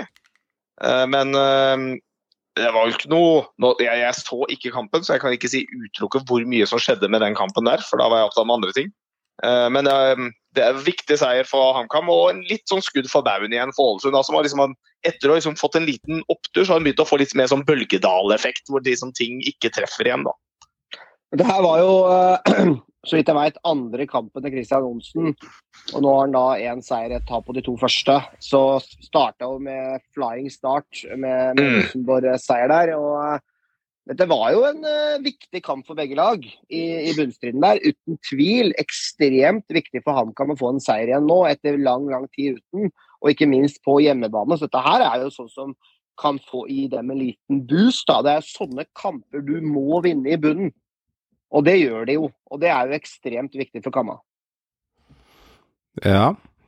Så ser vi at Ålesund skal ha to matcher neste runde. Eh, de får egentlig, ja, hva skal jeg si for noe, dobbeltsjanse. De møter Odd og Lillestrøm, altså i en hengekamp der, Ålesund. Eh, hint hint til fantasy-siden. Jeg vet Åra Tanga på laget, Håvard. Gikk av etter 50-60 denne gangen og ble ofra, men uh, igjen så ser vi at det kan jo være en uh, uke neste uke mer. Det Der plutselig Ja, man kan ned til Ålesund nå, men uh, de har noen kvaliteter i laget sitt. Og, og Odd er jo, ikke noe, uh, er jo ikke et lag som på en måte som, De kan tape mot hvem som helst, vinne mot hvem som helst. De kan fort ta tre poeng der. Lillestrøm kanskje verre. Men det blir to mm. viktige kamper til uka for, for de oransje. Ja, utvilsomt. Jeg, jeg er Ålesund smart nå, så gønner de på mot Odd nå. I den hjemmekampen mot Odd. og så får de prøve å få til et resultat uh, mot Lillestrøm. Det som bekymrer meg litt, er at det er veldig mange kamper for Ålesund nå. De har fire kamper igjen ut juli. Uh, mye seig motstand også, hvis du tenker de to neste etter der igjen med Viking og, og Godset. Så de må opp i ringa. Uh, det, det, er som Joakim var inne på, det er, ikke, det er ikke veldig høyt opp. Men det er signaleffekten når de nettopp tapt mot HamKam, som ligger rett over deg. Så, så det er noe med henge med, henge med, henge med. For nå virker det som at Sandefjord er litt i gang, og, og HamKam også litt i gang. Ok. Det er bare én og en halv måned siden, Håvard. Eh, to, hvis vi er litt eh, som vi satt og koste oss på Karl Johan. Og eh, traff LAN etter fire pils og Vibeke Johansen på fylla. og feira sammen et branngull eh, i cupen. Og da satt vi og snakka om at nå er cupen 2023 i gang igjen om en uke etterpå. Da var vi i starten av det. Så er det litt vips vaps, og så har det gått uh, åtte uker. Nå er det åtte lag igjen i cupen, og cupens kvartfinale uh, seks uker etterpå, Håvard, det, det er Molde-Sarp, uh, Vålerenga-Brann. Det blir en rysere. Kjelsås-Raufoss. Du kan jo si at begge der har trukket en gullbillett til å gå til semien. Og så har du Kamma-Glimt. Ingen lett oppgave for gutta på Innlandet, men det er åtte lag igjen, og fire kamper. Og går du videre herfra, Håvard, så er det semifinalen i september. Og da er det finale, en klassisk norsk cupfinale, på Ullevål 9.12.2023. Tenk på det. At guttene fra Kjelsås, Oslo vest, kanskje skal spille semifinale i cupen mm. som et postnord som et Post lag Mot Filip Rappaka-gutta, eh, Raufoss. Og så har du også bon, en av båndlaga Obos som ja, ja. spiller semi i cupen. Så mm. cup er cup, dere! Det er et godt cup er cup. På. Så er jeg veldig veldig spent på den kampen på Intility mellom to, lag, eh, to store lag i norsk målestokk, Vålerenga Brann. Det, det, blir jo en rysere. Jeg er ikke spent på den i det hele tatt. Eh, litt fun fact om Kjelsås-kampen. Litt inside information der er at mm. Eh, deres beste spiller eh, nå husker jeg ikke hele navnet hans, men Eggen Winge jeg husker ikke fornavnet hans, men Eggen Winge, som uh, mener også er toppskåreren deres, har blitt solgt til Stabæk og slutter seg til Stabæk 1.8. Okay, Det var for Ja. øvrig Stabæk dødaren også, så dunka dem ut av cupen. Ah, Såpass, ja. Han har blitt henta. ja, han har blitt henta. Artig informasjon om Kjelsås, meg som har professor i synsing, fulgte med i 30 år. Jeg mener det er 1999 eller år 2000-sesongen. Eh, Så gjorde Kjelsås en helt sinnssyk, jeg tror Håvard husker òg, en sinnssyk høstsesong i, eh, i Obos-ligaen, den gangen kalt førstedivisjon, og holdt på å gå opp til Eliteserien. Det stemmer. Med en keeper som jobba på Rema 1000, og en back som eh, så vidt bodde hjemme på gutterommet, liksom. Det var helt krise. Og jeg krise. husker hva spissen heter, Johan. Ja. Ole Petter Skånår Han bøtta inn for dem. Stemmer. Og den kampen de skulle vinne til slutt, de måtte bare slå. Arrester meg gjerne hvis det sitter en eller annen Bengt Eriksen og lytter på noe som kan historie bedre enn meg. Og det er egentlig ikke vits, jeg tar forbehold meg til jeg tar feil her, men jeg husker at de tenkte bare å slå Alta i siste matchen, og de var allerede rykka ned og lå sist i den gangens førstedivisjon, nåtidens Obos, og så røyk de borte på en sånn to-fire-kamp eller et eller annet dritt, og ingen trodde ville gjøre det, for de hadde slått alle laga oppover hele veien, trengte bare å vinne, og det begynte å bli sånn skriverier, vet du, Joakim, herregud, hvis Kjelsås går opp, så må vi renovere hele stadion, og alle kioskene må byttes ut, og ingenting er godkjent for eliteserie, det var helt kaos, men de klarte det akkurat ikke, litt sånn der statistikken lyvde ikke, du kommer faen ikke opp hvis ikke du står helt på til slutt. Og det der var jo Drillo-kompisen, jeg tror det var Stig Mathisen han heter, ja, som Mm. var uh, trener. Mm. Som var Drillo-kopien og kompisen til Drillo, Stemmer. som spilte ekstremt Drillo-basert fotball. Jeg kan spå kampene, bruke to minutter på det. Jeg kan ta Vålerenga-Brann. Vålerenga går til semifinale. Eh, Og slår ut Brann. Og Grunnen til det er for at det er så typisk Norge. Det er sånn cup er cup, Brann er favoritt på papiret. Vålerenga kommer nå liksom fra sparka trener, har ikke så gode resultater, ligger i bånn i Eliteserien. Men så får man litt sånn frigjørende endorfiner når man kommer til cupen. Bare spiller buksa av seg, man tar det man får, og så ender det med at de plutselig kan få det ut i kampen der. Så Vålerenga kommer til å slå Brann av matchen. Det er bare noe jeg tror. Har en dårlig følelse på den kampen sjøl, jeg. Ja, det burde du ha. Uh, Molde-Sarpsborg, den kan du ta, Håvard. Jeg tror Molde, i den flyten de er i nå, så tror jeg de vinner. Jeg tror de går til semi, Molde. Mm. Kamma Glimt, Joakim. Klarer Innlandets gode gutter å tukte Glimt, eller blir det for vanskelig? Nei, Nei. det gjør de ikke. Ja, greit. Altså, det, nei, nei. Glimt går videre. Nei, Glimt går videre. Og så blir det sjarmkampen Kjelsås-Raufoss. Hva tror du, Merando? 3-2 Kjelsås. Kjelsås tar den, altså. Det er sånn det blir. Ja, ja, moro. moro. Det, er, det er liksom Uansett hvem av de laga som går videre, så blir det sånn Kult! De er videre! Det er sånn der, Er, En av blir det jo. er, er det trekning i semien, eller er det lagt opp allerede? Det er trekning, ja. Trekning. og da håper jeg, å, og så snakker vi Kjelsås-Enga i semifinalen der. Ja. Oh, det har vært nydelig. Hvem veit. Så er det denne fantasyen, karer, og jeg kan jo dra opp fantasyen her. Og da skal jeg starte i min ende, som uh, i dag er Jeg er sjelden jeg driver med sånn uh, unnskyldninger utenfra, men i dag skal jeg gjøre det. I dag er, skal jeg være han barnslige. Uh, jævlig irriterende. Jeg taper en internkamp mot Meran med 67-68. Uh, jeg taper med ett poeng. Uh, ser det vakre ansiktet ditt gjøre et tegn til meg, det er helt greit. Men um, det som er irriterende, er at jeg glemmer å bytte. Og det er første gangen i år eh, at jeg ordentlig glemmer å bytte. Skikkelig glemmer å bytte. Eh, jeg treffer på AK Adams. Veldig ulikt deg. Ja, veldig ulikt meg. Det er, der er jeg nazifar, så det vil si at jeg glemmer som regel aldri det. Men det interessante her, helt klinisk er jeg på det, men her gjør jeg en tabbe. Men jeg putter AK Adams som kaptein, de er med vilje, fordi jeg spådde jo Lillestrøm-seier, og jeg traff jo på det. Eh, Men jeg glemmer å selge Valheim i spillet, som gjør at jeg sannsynligvis hadde fått en to-tre poeng for en eller annen eh, forsvarsspiller uansett, og da hadde jeg tatt Meran. Og grunnen til at jeg er litt opptatt av å ta Meran, som egentlig ikke er noe prestisje i seg selv fra gammel histori, Håvard, å ta Meran, for det er bare sånn vi gjør narr av, det er for at jeg har spådd at han er den mest uforutsigbare spilleren, og han er den som har størst progresjon av oss for øyeblikket, og det viser seg at han har. For Meran, du tar det lille poenget, og du har begynt å gjøre litt krumspring på spillet her. Blant annet så driver du og putter inn Braut Brunes. Det er litt sånn derre Litt sånn småekkelt. Og så driver du og prøver deg med Åsen og sånn, ikke sant. Jeg skjønner at ikke så mange gjør det, men han kan plutselig legge to assist, ikke sant. Det er derfor du putter han inn. Så jeg skjønner bildet. Så du er i godt sig, Merando. Ja, hva skal jeg si? Altså, det, det, det flyter nå. Det gjør det. Og så er man jo litt heldig, da. Fordi eh, realiteten er at eh, hvis Høg ikke hadde fått karantene, så hadde jeg jo fortsatt stått med Høg. Så det er jo litt tilfeldigheter som gjør at jeg velger Braut Brunes. Det er, jo, det er jo litt fordi at han var formspiller nå. Så tenker jeg ok, greit. Jeg prøver Braut Brunes. Jeg venter på at ingen andre av de gutta har gjort det. Um, Skjønner. så ender jeg opp med å få ganske bra uttelling på, på Adams, og selvfølgelig på Braut. Og Jeg får ikke like god uttelling på Margot som jeg prøver på der. eh, Men, men uansett, Breivik er stabil. Forsvars, forsvaret mitt er stabile. Jeg treffer heldigvis på kapteinen. Det redder meg. At Pelle er på jobb, det, mm, det redder meg. Rett og slett. Mm, mm. Uh, Joakim 59 poeng, ikke så langt bak. 8-10 poeng. Og så ser jeg deg, Håvard, på 60. Vi kan jo starte hos deg, Joakim. Nei, altså det er jo egentlig kapteinvalget, da. Det der standardgreia som uh, bommer på. Jeg sto før og lurte liksom Ja, hvem skal jeg som kaptein? Da sto mellom Adams og Farris, og valgte da Eller Mombagna, og valgte da han.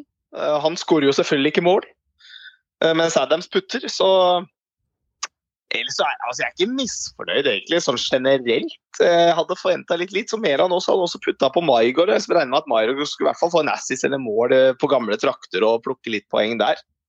Uh, men overall egentlig en helt ja, Selv om jeg havner litt bak, så er det en helt grei runde. Altså. Det er kapteinsvalget som gjør det. Hadde jeg valgt riktig kaptein, så hadde jeg jo ligget helt oppe sammen med resten på rundt 70 poeng. Mm, men det er bomma der, og det er det som gjør det store utslaget for min del denne runden her. Altså. Mm, ser det.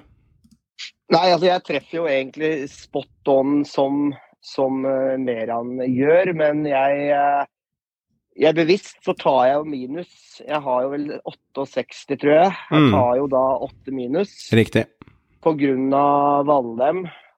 av også dobbeltrunden. Fordi jeg vil ha inn Ålesund-spiller som spiller to kamper. Mm. For det, det kommer nå, så jeg slipper å bruke det byttet. Så jeg tenkte kanskje at Atanga kunne fike inn en mot uh, Kamma. Det gjør han da ikke. Det er Karlsbakk som gjør det, så jeg var veldig i tvil om de to. Mm. Men det ble Atanga. Uh, så jeg, og, så, og så blir det jo, så treffer jeg jo bra på kaptein. Jeg treff, treffer på Adams. Mm. Og så treffer jeg jo OK på Soltvedt. Og uh, Petterson treffer jeg veldig bra på på keepervalg. Så jeg har jo en del jeg treffer OK på der, men så er det selvfølgelig noen som eh, godeste Bård og Farris. eh, de andre i maffen der, de, eh, de svikter meg. Så Men det er det flere andre som står med. Ja. Jeg drar på Pelle. Så jeg Mhm. faktisk vurderte å ta ut, men jeg valgte å beholde han og fjerne Grønbekk. Og da skårte han selvfølgelig. Mm. Så det er jo typisk. Jeg putta inn Grønbekk. Ja, ikke sant. Der ser du. Så nei, det er en eh, helt OK runde. Altså 68, men minus 860, det, det får leve med den. Jeg spår at framover så kommer det til å bli større skilnader i spillet. For jeg tror at folk nå kommer til å øh, se litt vekk fra kanskje Maffen. Uh, Manga Finne og Adams. Det er tre klassespillere å ha på laget, men du har en Fardal Opseth som kommer bakfra. Du har kanskje en Ole Sæter hvis det løsner for Rosenborg, før eller siden. Du har en Braut Brunes som er litt små ekkel å håndtere. Dette er spillere som også er billigere enn disse klassiske maffene, Håvard, som gjør at du får frigjort dem Kasper Høeg har det også. Kasper Høeg, ikke sant? Og det, etter hvert så må jo folk begynne å tenke annerledes. For hvis du bare skal spille det safe hele tiden, så havner du jo bare på de samme summene. Men igjen, bytter du deg vekk, så faller du langt ned. Så det er en vanskelig Så har du kanskje en uh, liten uh, sjakktrekk uh, der på Molde. Hvis Molde begynner å danse, med Ola, Veton. Mm. Det er flere der som kan være aktuelle. Så selv om de er dyre Breivik så- er kjempebra. Breivik han har jeg. Han Men Breivik har alle pga. pris. Han, eh, og han er jo bankers. Ja. Men det er flere som kan være litt sånn troll i eske på spillet. Litt sånn Joker Nord som eh, kan ja. eh, være- bikke det ene eller andre veien. Mm. Det er noe med det. Hei sann, det er Lars Jørgen Salvesen. Nå er det tid for quiz, gutter. Spis ørene, gjør dere klare. Nå skal det kjempes om poeng. Ok, vi har fått eh, x antall forespørsler, og jeg skal legge den her litt sånn enkel, så det ikke blir for mye mas om det. Vi har fått x antall forespørsler, der begynner det å bli ganske mange faktisk, som savner quizen vår i Synseligaen. Og det vi har gjort, er at eh, vi har disket opp med quiz, kjære lytter. Ja, jeg ser at du smiler. Det var lenge. Jeg ser at du smiler, jeg ser at du er fornøyd, jeg ser at du strammer strikketøyet, Liss i nord, når du hører quizen her på øret ditt nå. Det interessante er det at eh, vi kommer til å levere quiz. Det er ikke sikkert den kommer nøyaktig hver uke framover, men vi skal levere quiz jevnlig framover. For hvis ikke alle medlemmene er med, alle fire samlet, så er det umulig å gjennomføre en quiz perfekt, for siden det siden bare én quizmaster og tre deltakere. Men den starter fra i det med i dag, og vi nullstiller poengene. Forrige vant jo Håvard. Eh, eh, du tok en to poeng foran eh, Joakim på forrige quiz, Håvard, og så havna Meran på 56 poeng, Joakim på 59 og Håvard på 61, så det var meget, meget jevnt. Så vi starter quizen, og så mulig den kommer to-tre uker på rad, og så er det plutselig en pause på en uke eller to, pga. alle ikke er samlet, men vi må sette den i gang en eller annen gang, og derfor så er det egentlig en glimrende uke, Merando, til å starte denne uka her med quiz. Kjempedeilig. Ja, altså, jeg har gleda meg lenge nå til quiz. Jeg elsker quiz og får angst av quiz, men, men dette er jo kjempemoro. Jeg har jo fått veldig mange henvendelser på Instagram. Så, så, det blir en glede endelig kunne si nå er det quiz. Jeg likte det uh, synseliga-uttrykket, at uh, nå strammer av strikketøyet, Håvard. Det høres ut som det er det alvor, da har du full konsentrasjon, da sitter du og strikker og følger med samtidig som du konsentrerer deg. Det er et fint uttrykk. Da er Alice konsentrert, ja. Det er, det er alvor, sjø. Strikketøyet blir stramma. Ja. Da er det ikke noe tull. Det er ikke noe tull. Greit, da er det vel egentlig bare å fyre løs. Vi kjører 3.33. De som er nye lyttere og de som har vært med en stund, betyr at du har 3 minutter og 33 sekunder på å besvare eh, spørsmålene som jeg stiller til hvert deltaker individuelt. Joakim er én, Meran er én, Håvard er én. Hvis du sitter igjen med tid når det er over, så gjør jeg det veldig enkelt at du får ikke noe tilleggspoeng.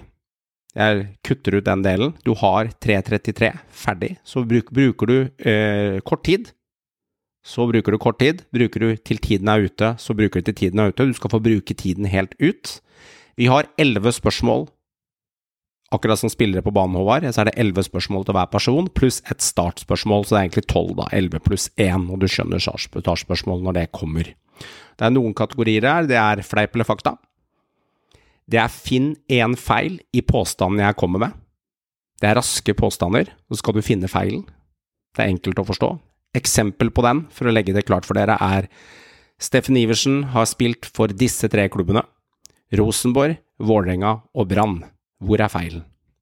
Brann. Brann er feilen. Ikke sant? Det er sånne spørsmål. Så det er enkelt å forstå. Og så er det åpne spørsmål etterpå, som er bare tilfeldige spørsmål, som er litt Johan-vri. Det kan handle om han fra Softis til Veton Berisha til Kjelsås fotball. Du veit aldri hva du får. Yes. Mm. Eh, når det er igjen 30 sekunder av tiden, som du hører i bakkant, eh, deltakere og lyttere, så hører du Synseliga-introen i en høyere takt. Først hører du en klokke de første tre minuttene. Når det er igjen 30 sekunder, så hører du Synseligaen sin egen intro. Da skal du som deltaker, Håvard, vite at du har 30 sekunder igjen av tiden din. Bruker du tiden din fullt ut, så er det fordel for deg. Du får ikke noe bonus hvis du er ferdig før. Du skal bare vite psykisk at nå er det ca. 30 sekunder igjen. Er reglene forstått? Yes. Det er ett poeng for hvert, hvert svar du gir. Så ett poeng for å svare på at Brann ikke er klubben Steffen Iversen har spilt for, og så sånn går nedover. Så du kan maks få 11 poeng, pluss hovedspørsmålet, som vi har hatt før. Beskriv en angitt spiller. Der er det maks mulig å få seks poeng. Og det betyr at du kan hente ganske mye for første spørsmålet, men da må du avgjøre selv, hvis du skal beskrive Steffen Iversen som fotballspiller, med karriere og alt, om du vil bruke kort eller lang tid på det. Men jeg vil anbefale deg å bruke lang tid, for å hente fire, fem, seks poeng betyr mye i spillet. En gang, jeg gjentar regelen, i løpet av spillet, så har du mulighet til å si trippel. Den kan du si når du vil. Om det er fleip eller fakta, finn en feil i påstanden eller åpne spørsmål. Sier du trippel, så du, henter du ikke ut ett poeng for riktig svar, men du henter tre poeng for riktig svar. Du får ikke minuspoeng hvis du bommer. Det er kun en bonus, litt som i gamle Villeby millionær, du får et bonuskort. Er reglene forstått? Har vi den, eh, får vi en trippel hver gang vi spiller en quiz, eller er det en du har gjennom hele sesongen? Hver gang du spiller en quiz. Så hver gang du spiller her nå, av de elleve spørsmålene, så kan du si trippel. Bare du sier trippel, men jeg kan ikke ha starta spørsmålet. Jeg kan ikke si 'Hvilket år tok Tromsø trippel?' Det kan du ikke si. Da er spørsmålet allerede stilt. Da vil det gjelde fram neste spørsmål. Å, altså, vi får ikke vite spørsmålet før vi sier det. Nei, du må si trippel Ah, før. Det er gamblingen i spillet, men det er, du kan være heldig, du kan være uheldig. Men det er ganske likt nivå på alle spørsmålene. Det er ikke noe sånne helt håpløse fra 1973 her, og så kommer det noen enkle brannspørsmål etterpå. Det er ganske likt Det nivå. er ikke dårlig samvittighet for å bruke den. Men det kommer er alltid til å være ytterpunkter. Og det kommer alltid til å være noen som mener noe at det var lettere for en annen en, men da er det et quizmaster som avgjør til slutt for å gjøre en bedømmelse på det. Quizmaster. Nei, gutter. Vi får kjøre. Vi har et eh, tidsskjema å holde. Vi kjører, og vi dunker løs. Vi har kontroll. Men jeg, tenker på et tall, gutter, fra 1 til 50. Og eh, 1 til 100 pleier jeg å ta. Og jeg har tenkt ut tallet mitt, og det er dere som er nærmest det tallet, den starter. Vi kan starte hos deg, Håvard. Hvilket tall har jeg i hodet? 49. Mottatt. Joakim. To. Berando. Tre. Tallet er 44. Oi, det var close, eh, Håvard. Det var close. Greit, da starter vi da, Håvard. Ja, Mm. spennende. det første jeg, merker det kribler, jeg merker det kribler litt. Det første spørsmålet er alltid en eh, For å gjøre det enkelt, bruker litt mer mansplaining i starten her enn tidligere, men vi har nye lyttere, og det ikke blir noen misforståelse, greit å forstå reglene. Du har 3 minutter og 33 sekunder på å gjennomføre alle spørsmålene. Det første spørsmålet får du 1 til 6 ut fra den beskrivelsen du gir på spilleren. Ett poeng er lavt, seks poeng er top notch. Det er ditt ansvar å velge hvor lang tid du bruker, men det er mye poeng å hente, så her må du vekte det. Etter det så kommer fleip eller fakta. Finn en feil i påstanden, og så kommer det åpne spørsmål etter det. All right. Er du klar? Yes. Da starter jeg klokken nå. Beskriv spilleren eh, Fitim Asemi. Fitim Asemi. Han eh, er eh, norsk Kosovo-albaner. Han har spilt i klubber som Follo, Makabi Haifa, Bodø-Glimt, Vålerenga, Stabæk. Han har hatt sin beste fotball i Bodø-Glimt, der han var enorm. Var meget god. Ble solgt til Makabi Haifa. Eh, dessverre tidligere så har han ikke kommet opp på eh, samme nivå som han viste i Glimt, der han var meget, meget god. Eh, er en eh, sterk liksom bakromsspiss. Eh, har sin forse at han er rask og eksplosiv. Ikke noe tekniker og ikke noe stor avslutter. Men ja. Eh, han, er, eh, han er også en type rein spiss ikke en spiller som kan bekle flere roller. Det var vel egentlig Follo han breaka som eh, fotballspiller. Jeg stopper der. Fem poeng. Fleip eller fakta? Glimt endte på 14.-plass i 2005 og rykket ned. I 2000 Fem. Fakta. Ett poeng, korrekt. Fagermo tok bronse med Odd, og det var i 2016. Fleip. Det er fakta. Null poeng. Sist gang RBK, RBK tok medalje i Eliteserien, var i 2021. Nei, det er fleip. Det er riktig, det er fleip. Det var i 2022. Korrekt. Finn en feil i påstanden. Finne, Pellegrino og Komson har alle seks assist i årets sesong. Hvor ligger feilen? Komson. Feil. Pellegrino. Gjermund Aasen la over ti assist per sesong i følgende tre sesonger 2018, 2019 og 2021. Hvilket år? Alle årene la han ti assist per sesong, mener jeg. 18, 19 og 21. En av dem er feil. Hvor er feilen? 19. Riktig, ett poeng. Bakenga har skåret ti mål i alle disse årene. 2018, 2020 og 2021. 2021 er feil. 2018 er feil. Hvilket år har hvilket, hvilket lag har sluppet inn mest mål på bortebane i år? Oi. Bortebane. Rosenborg. HamKam. Ett lag har tre tap på rad i år, nå. Hvilket lag er det? Hvilket lag har mest Hvilket lag har tre tap på lag, eh, rad akkurat nå? Uh, Rosenborg. Riktig, ett poeng. Hvor mange straffer er brent i år? Seks. Åtte. Hvilken to spill... Hvilken to spillere har fire straffemål hver?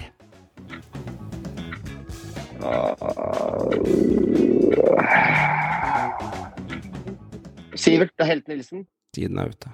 Ja. Sivert Helte Nilsen og Slatko Tripic. Okay. Da fikk Glemte den jævla trippelen, så måtte bare rope ut. Ja da, men du er innafor, du. Du har fem på semi. Du har Glimt 14.-plass, det er korrekt. Og du har RBK medalje, det er korrekt. Og så har du Gjermund Aasen, og så har du ett lag med tre utlapere. Du har RBK på åpne spørsmål. Da har du ett, to, tre, fire pluss fem. Du har ni poeng, Håvard. Ja, det er vel ikke så halvgærent, det. Nei, jeg syns jo det er Gre ganske grei, start. Det er fort gjort å bomme litt. Man blir, man blir stre stressa. Stressa klokken eller lyden der? Jeg sleit faktisk litt med å høre noen av de spørsmålene, så jeg måtte be deg gjenta det hvis det er litt tid på. Ja. Tror det var eh, litt sånn uh, Var det jeg som var uklar, eller var det fordi at du Ja, det tok var ikke spørsmålet? litt linja eller et eller annet. Jeg, Ok. eller, men altså, det, det er greit. Jeg måtte, jeg måtte, derfor, jeg skjønte ikke eller hørte ikke helt hva du sa. Nei, jeg skjønner. Det er helt i orden. Uh, Du fikk i hvert fall, gjentar, én, Men to, altså, tre, fire. Komson seks assist? Yes, han hadde tre stykker for tre runder siden, og så hadde han to runden etter, og så har det vært et tap og en, og en, en uavgjort der. Så han har faktisk seks assist. Det er Pellegrino som var fella, han har fem. Mm. Mm.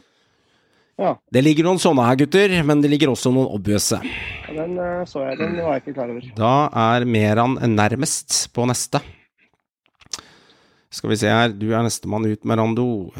Vi ser Ja. Der, der, der. Da kjører vi. Greit, da starter jeg klokken, og vi starter der. Beskriv spilleren Ola Kamara. Ola Kamara den starta karrieren eh, i Frigg, gikk så videre til Stabæk, hvor han var akademispiller og saftblander for Daniel Nanskog og Veigard Pall Gunnarsson. Eh, gikk videre til, eh, til Godset i forkant av 2009-sesongen, hvor han blei i flere år, opp til til og med 2013, vil jeg. Hvor eh, han Jeg er usikker på om han vant gull eller ikke, men eh, gikk så videre til uh, utlandet via tro, litt usikker der. Og så har han vært innom Molde, og så har han vært innom en hel haug av klubber etterpå, og er i USA nå. Uh, spiss nummer ni. Eh, god avslutter. Det er det jeg har å si om Ola Kamara.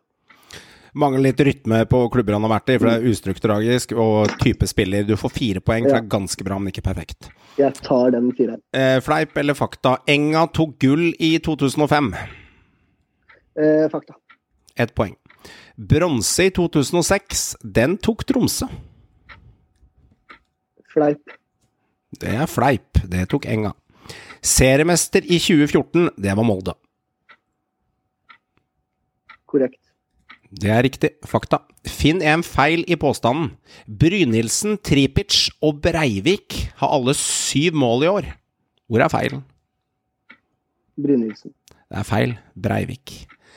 RBK vant gull i 2009, 2010 og 2011. Altså Rosenborg tok til triple. Hvor ligger feilen?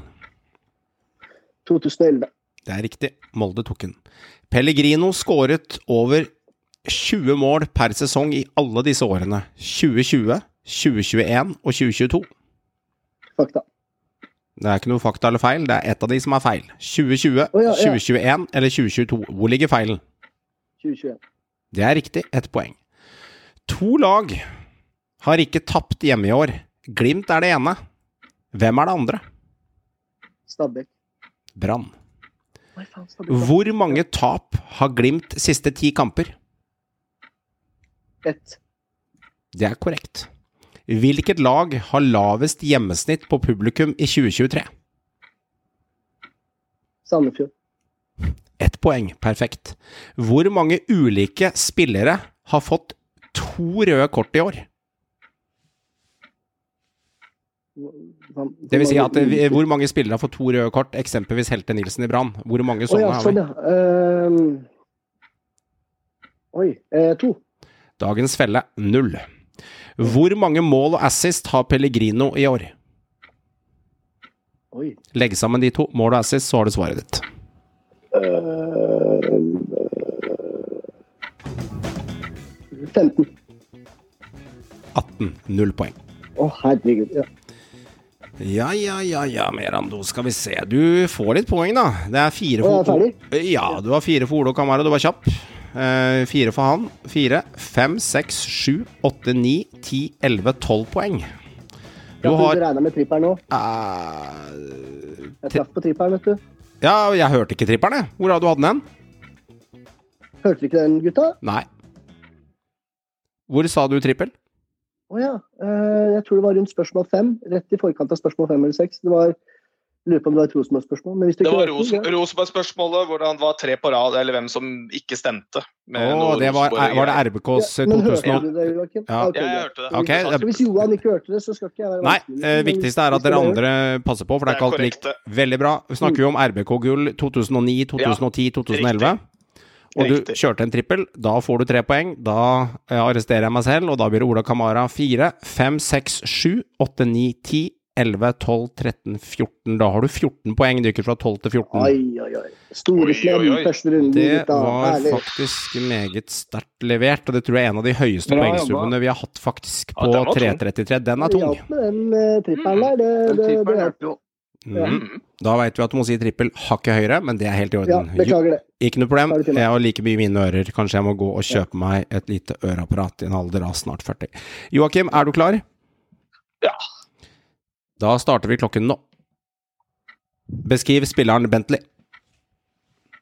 Bentley. Åh. uh, goalgetter uh, spilte ja, Dette er jo det beste jeg er på. Uh, goalgetter har spilt for Odd. Det er egentlig det meste jeg kjenner når det kommer til Bentley. Stor, nei. Stor, sterk, kraftig spiller fra det afrikanske kontinentet. Jeg kan ikke engang si hvorfra. Jeg lurer på om det kan være Nigeria. Mottatt. Eh, han spilte for Odd, spilte for noen andre da. Blei vel dratt fram under Fagermo-tida der. Han har vært toppskårer i Eliteserien et år, tror jeg. Jeg stopper der, jeg gidder ikke å si mer. Gå videre. Ja, da blir det to poeng. Eh, vi stopper det er der. Det var ikke all verden. Kjør på. Fleip eller fakta? Stabæk endte sist i 2012 med 16.-plass. Fleip eller fakta? Fleip. Det er fakta. Feil.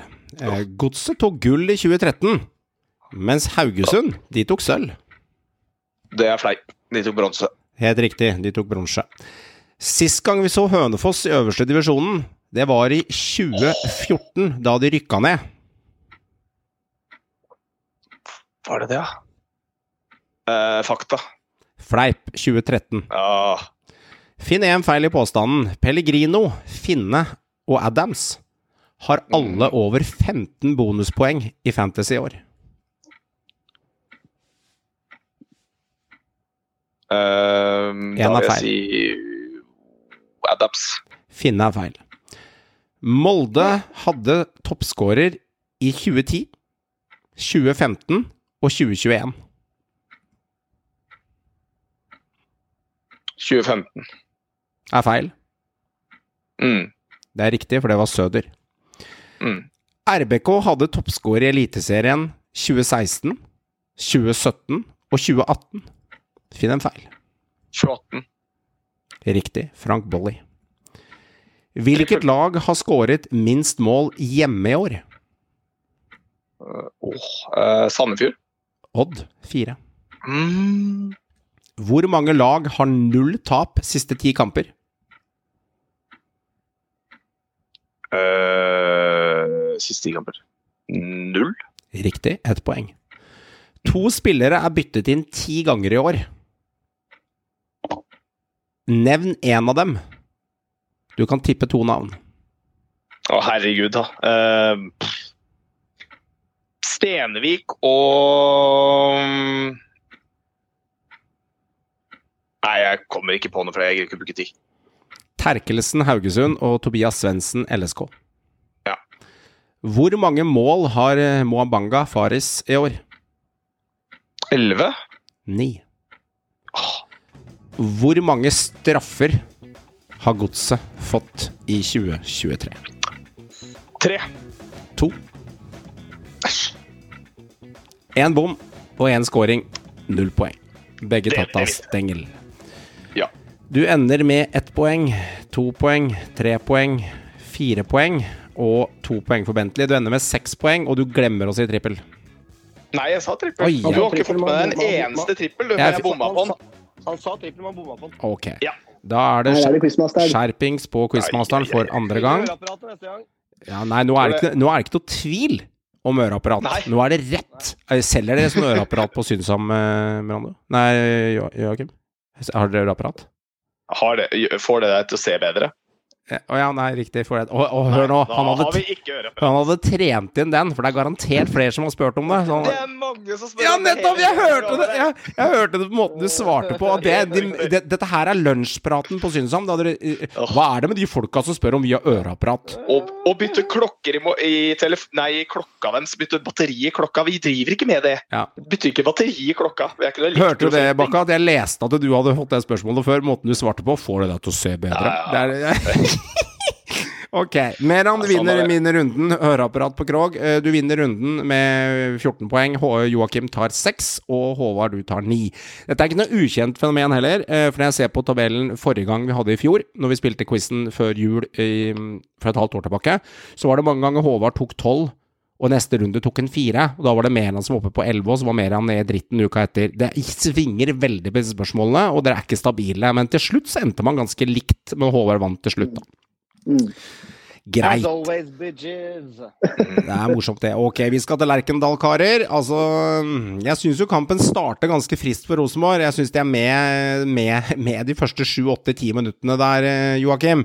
Eh, At Lillestrøm ligger under til pause er vel et under i seg selv, hvis du ser på XG-en. eh, For de produserer jo. Men det er en kamp også som RBK kunne ha vunnet, hvis ikke, hvis ikke de er der de er akkurat nå på kvalitetsmessig. Fordi de hadde det jo til 84. minutt.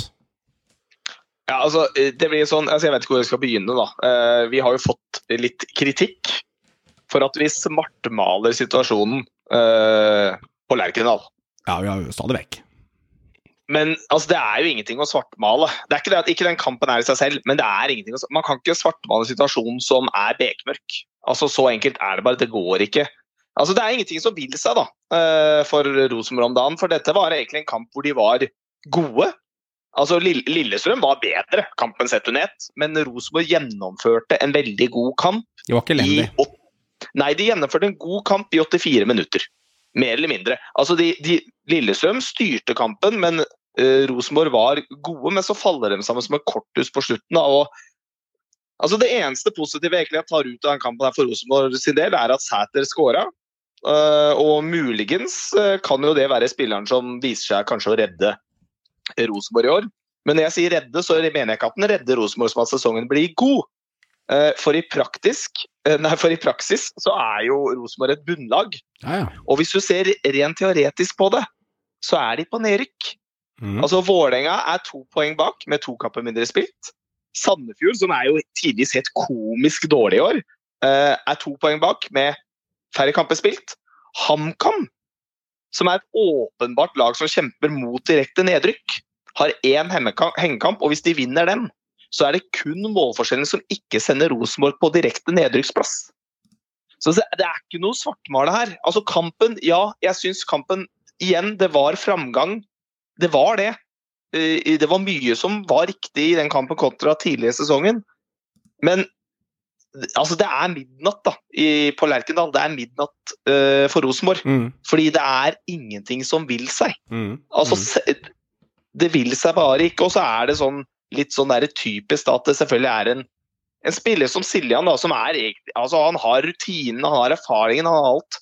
Men som på en måte kommer med en sånn altså Det er jo rett og slett en ganske idiotisk eh, takling. Jeg vet ikke om man kaller det takling engang. Altså idiotisk eh, Spark. kamp Spark. om ballen. Spark ballespark, det er jo det det egentlig er.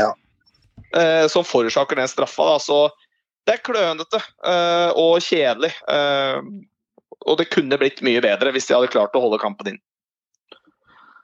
For å ta det positive, da. Så er det jo som at, at eh, Ole Sæter skårer, og han er jo en som jeg rett og slett tror kan bli eh, Rosenborgs redningsmann. Eh, Det, det er sjukt å snakke om dette her med tanke på ne eventuelt nedrykk. Fordi han eh, tror jeg er den klart beste spissen RBK har, og han må bare spille og spille seg i form. Så tror jeg han kommer til å skåre en del mål. Så synes jeg jo, For å ta litt av det positive, da, at Adrian Nilsen Pereira han får starte som kant. Han tror jeg de må bygge videre på. Mm. Eh, Nypan gjør ikke noe stor kamp, men han får starte. Eh, Det er bra. Så syns jeg at Santri Ivaninen eh, begynner å spille kanskje litt bedre og bedre på den eh, ankerrollen, og at det er i hvert fall den beste de har der per nå. Hvis ikke det kommer noe Ja, mer inn. Men det er ikke voldsomt. Nå- er jeg kanskje litt snill, men er snill. for å trekke fram noen lyspunkter, da, syns jeg ikke han var så gæren. Eh, så står de imot. De er pressa, de, de skaper ikke voldsomt mye, men de står imot. Men så er det jo da det klassiske laget i motgang, og det har jeg følt på mye sjøl. Sånn å følge Brann. Det er en berg- berg-og-dal-bane uten like. Et lag i motgang, da er det mørkt. Og da får du den i ræva. Eh, og så det, det som Kronen på verket er at André Hansen redder straffa, og så skårer akkurat dem på retur, selvfølgelig. Så får du liksom den i trynet. Og så syns jeg også det er litt halvveis svakt av André Hansen igjen på, en, på det målet til LSK. Den kan han ta, for å være ærlig. Men, men han har jo en del andre gode redninger, og jeg syns kanskje den eh, det er mulig å ta. Nei, nå er du streng. der. Er du streng. Syns, syns du Ja, ikke det? Ja, det så jo. litt sånn rart ut. ja. Nei, fordi en keeper på hans nivå eh, regner med at det skuddet kommer hardere etter et av sidene. Ja, det, det, det så liksom så rart Ja, jeg skjønner det ser rart ut, men Gordon Adams har en sånn finurlig måte å treffe ballen på. Det er ikke første gangen han driver og sleivsparker ball i mål. Nei da. Eh, Men han er god på det der å få tåa på. Men, men jeg må si en ting. Uh, Jeg syns Rosenborg starter ganske bra. Uh, Per Eira, ingen tvil, han skal spille. Det er bra. Jeg, jeg liker han. Jeg syns Holtz er god, uh, selv om han spiller i feil posisjon sannsynligvis. Ute på vingen der. Han burde kanskje spille indreløper for å få han, drive. han må de bruke der. Han blir det ofra, han, som beste spilleren på Rosenborg, for å få helheten han- til å funke. Han trenger det mm. midten. Eh, Det er dumt. Sæter er jo et lyspunkt, selvfølgelig. Og jeg må jo si om Sæter, han har litt det samme som Høg i seg. Eh, Han er veldig ekkel å spille opp på. Han er en vanskelig spiller å håndtere. Eh, Han holder jo litt lekestue med Gabrielsen i første omgangen. Selv om Gabrielsen er 108 kilo bamse, som Sæter sa, så er faktisk han den beste til pause av de to. Det er sjelden Gabrielsen nesten blir litt avkledd i Han er en håndfull Sæter. Ja, han er en håndfull. Han blir faktisk litt avkledd i noen, diskus- no, noen eh, nærkamper der med, med, med, med Gabrielsen og Sæter, så er Sæter klart Tenk sterkest. han når Sæter kommer mer i Ja, han er det. Han er bra, altså. Så ser jeg Gabrielsen har nok å gjøre der, så blir han sliten i andre gang, og så bytter de. Men Aga som brenner dem på blank der, som han ikke er ikke første gangen har gjort det i år, den kan man bare breise i rett inn, så står det 2-0. Da kan Rosenborg lede 2-0. Bjørlo som får den på en klassisk Roar Strand i i 45 graders ut, som er klassisk Eggen-fotball, og bommer på ballen og skyter den nesten til innkast. Og så er det Sam Rogers som er så rotete i forsvar. Og ikke dekker opp den ene mannen skal gjøre på skåringa, og Tagsetsen som taper duellen sin når, når, når bekken til Lillestrøm Ranger får lov til å nikke den inn der på bakre. Jeg syns det er slurvete av Rosenborg. Og den straffa til Siljan det er helt greit, det er straffe. Du sparker ned en spiller i balla. Altså, hva er det du, det er å diskutere, det er straffe. Men det er ikke første gangen pensjonisten eh, Siljan Nå skal jeg ta en tirade mot han. Du var inne på det i fjor, eh, Joakim. Nå skal du få kred for det. At Å signere spillere som kanskje er over middagshøyden, det må RBK slutte med. Og nå får du poenget ditt påpekt. Det var jævlig mange som var positive at det var kulturbærer og kontinuitetsmann og var ikke måte på. Rødt kort mot Bodø-Glimt. Skulle hatt rett kort til i år. Har skapt to straffespark imot. Han er litt den spilleren som mora mi, når hun er på sosiale medier, som tror hun henger med og skjønner hvordan sosiale medier funker, og så skjønner hun egentlig ikke at det er en app og hva hun trykker liker på, og legger ut sånne rare meldinger som ikke hun forstår noe av, fordi hun ikke skjønner helt spillet, hvordan ting funker. Litt sånn er Siljan. Det er bare 'Å, fy faen, det begynner å gå litt fort her. Jeg begynner å bli litt gammel, men jeg må bare gjøre noe'. Han er litt han. Han er ferdig. Siljan er så ferdig. Det er, det, det, er for svakt. Og samtidig, jeg skjønner at noen sier at han banens beste og har litt sånn touch av mini-Annan til tider ved å stoppe ting. Det er jeg enig i. Men vi leiter jævlig med lupe. Hvis han er den beste til RBK på dette Ja, må- laget her. Vi må leite litt. Vi må leite med lupe etter twist, i twistposen for å finne karamellen her, altså. Altså, jeg må si det er trist. Han gjør så mye pasningsfeil. Holder på å forære Lillestrøm en scoring i første gang. Han spiller han tilbake der, så får du en feit kontring imot. Han har flere sånne, at de kan få gult kort i kampen pga. kakking på legger og alt de småtingene han driver med. Det er helt utrolig. Jeg syns han er slurvete. At han kan bli god, det er jeg enig i. Men at han er god for Rosenborg nå, det er jeg uenig i. Men, men det er, jeg syns det er symptomatisk for hele Rosenborg-laget. Og det er det vi på en måte har vært litt innom før òg. For det er litt av problemet er det når du ser på de offensive seks da, som starta den kampen her. Altså liksom Skarsheim, ja, Santari, Nypan, Holse, Sæter. Altså det er mye, det er mye kvalitet. Altså det er mye i hvert fall, Ja, det er jo si, i hvert fall, si i hvert fall potensialet da, i det som er der. Mm. Men problemet er jo det at Altså, jeg havner tilbake på det. Hvem er det som skal lede disse guttungene her, da? Det er sånn, Mm. disse de, de drittungene, holdt jeg på å si. Altså, hvem skal lede de guttungene her og vise hva skal skje? Og så har du sånn som Siljan, da, for eksempel. Da. Altså, han er jo det er jo ikke som du er inne på nå, han er jo ikke en spiller som kan lede. Han, han er ikke den ledestjerna som kan vise hva de skal gjøre. Han er ikke det Altså, han, Ikke Han kan vise hvordan, han kan vise hvordan du forærer, forærer det andre laget et straffespark på overtid. Det kan du gjøre, det er ikke noe vanskelig. Men altså, det mangler de som skal holde dette laget sammen. For jeg er helt enig med Håvard, som har sagt dette flere ganger før. Det er selvfølgelig potensial og kvaliteter i Rosenborg-laget, men problemet er at de har ingen som holder dem i nakkeskinnet. Og du ser det spesielt kanskje nå som Henriksen igjen også er borte. da. Altså det, er, det er derfor, altså De ryker på slutten, for de har ikke noe hærførere på det laget som holder dem samla. Det har de ikke. De faller sammen. Og, og jeg tror at det var meget kritisk for Rosenborg at, at, at nettopp Henriksen, selv om jeg er for så vidt enig han er ikke noen stor stopper. Nei, Han er, ikke- han er ikke klass, høy, høy klasse, liksom. det er Men i den situasjonen RBK er i, Mm. som en leder og som kaptein, så hadde han vært jævlig viktig. Og jeg tror at når Jaden er tilbake nå, så må han dyrkes på kanten, på høyrekanten, og så må du trekke Holse ned. Der har du i hvert fall en kreativ Ja. kraft på midten. det jeg Det tror jeg er viktig. Kanskje. De, Rosenborg har fått noen svar her, og jeg tror litt av det du sier ligger der. For Jaden har uromomentet, og så får du, får du eventuelt Holse seg ned der. Så blir det spørsmål hva du skal må gjøre. du prøve å holde, holde gode Sæter i Ja, humør og holde skadefri. Mm. For han blir viktig, altså. Neste tre, kjapt fra deg, Meran. Tromsø, Godset, Odd. Hvordan ser det ut for Rosenborg om tre kamper? Eh, Odd eh, Mellom Altså, i beste fall fire poeng. Beste fall fire poeng. Gutter, eh, litt artig. Murphys lov, altså kan gå galt, vil gå galt. Om det er to eller flere måter å gjøre én ting på, og en av de to måtene kan føre til en katastrofe, da vil noe gjøre det, sier kulturen. Søker du på Murphys lov på internett, så er det følgende ting som er puttet opp. Og hør, dette linket opp mot RBK. Vi avslutter med det i dag. Ingenting er så lett som det ser ut til. Alt tar lengre tid enn du tror. Hvis det er muligheter for at flere ting kan gå galt, vil den ene tingen som forårsaker mest skade, være den tingen som sannsynligvis kommer til å ende med. Hvis det er et tidspunkt hvor det vil være spesielt dumt at noe går galt, så vil det skje på akkurat dette tidspunktet. Hvis det er noe som ikke kan gå galt, så går det galt allikevel. Hvis det er fire måter en prosedyre kan ende på, og man forutser alle sammen, så vil den femte og mest uforutsigbare måten øyeblikkelig forekomme. Når ting blir overlatt til seg selv, vil det gå over fra å være dårlig til virkelig dårlig. Ethvert forsøk på å rette problemet vil bare akselerere hvor fort det går fra dårlig til å virke dårlig. Hvis alt ser ut til å være godt over, så har man tydeligvis oversett noe på veien. Moder jord og natur holder alltid med de skjulte mangler og feil som kan forekomme. Det høres ut som egentlig en summa summarum av hva RBK har vært igjennom i x antall år, x antall feil og x antall valg på veien. Så det ligger litt grann i Murphys lov der, og jeg sier ikke at det er tilfeldig. Jeg sier, ja. Ref, Brann-Erik. Da er Ja. alt som kunne gå Ja, galt, Riktig. galt. Ref, og det går litt igjen, og Murphys lov er ikke skrevet i går. Det er en eh, gammel teori som eh, stammer tilbake fra et raketteksperiment med Edwards Base i California i 1949, der hvor Murphys puttet opp x antall teorier som kunne gå galt, og det viser seg 100 år etterpå at det ofte går galt.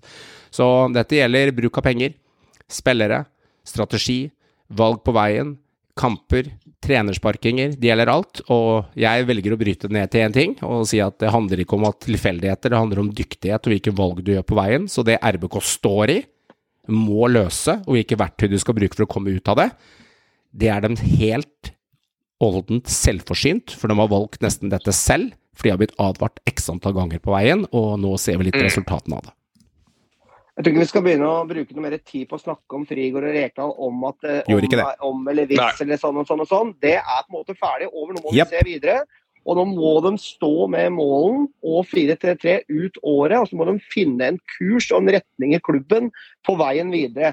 Og så Ja. tror jeg også at du er, det er livsnødvendig å faktisk handle mer kvalitet inn. For det er ikke langt ned til virkelig gjørme her nå, altså. Mm. Vikingkarer. Tripic har kommet i form, han, og nå begynner det å lukte bronse, Joakim.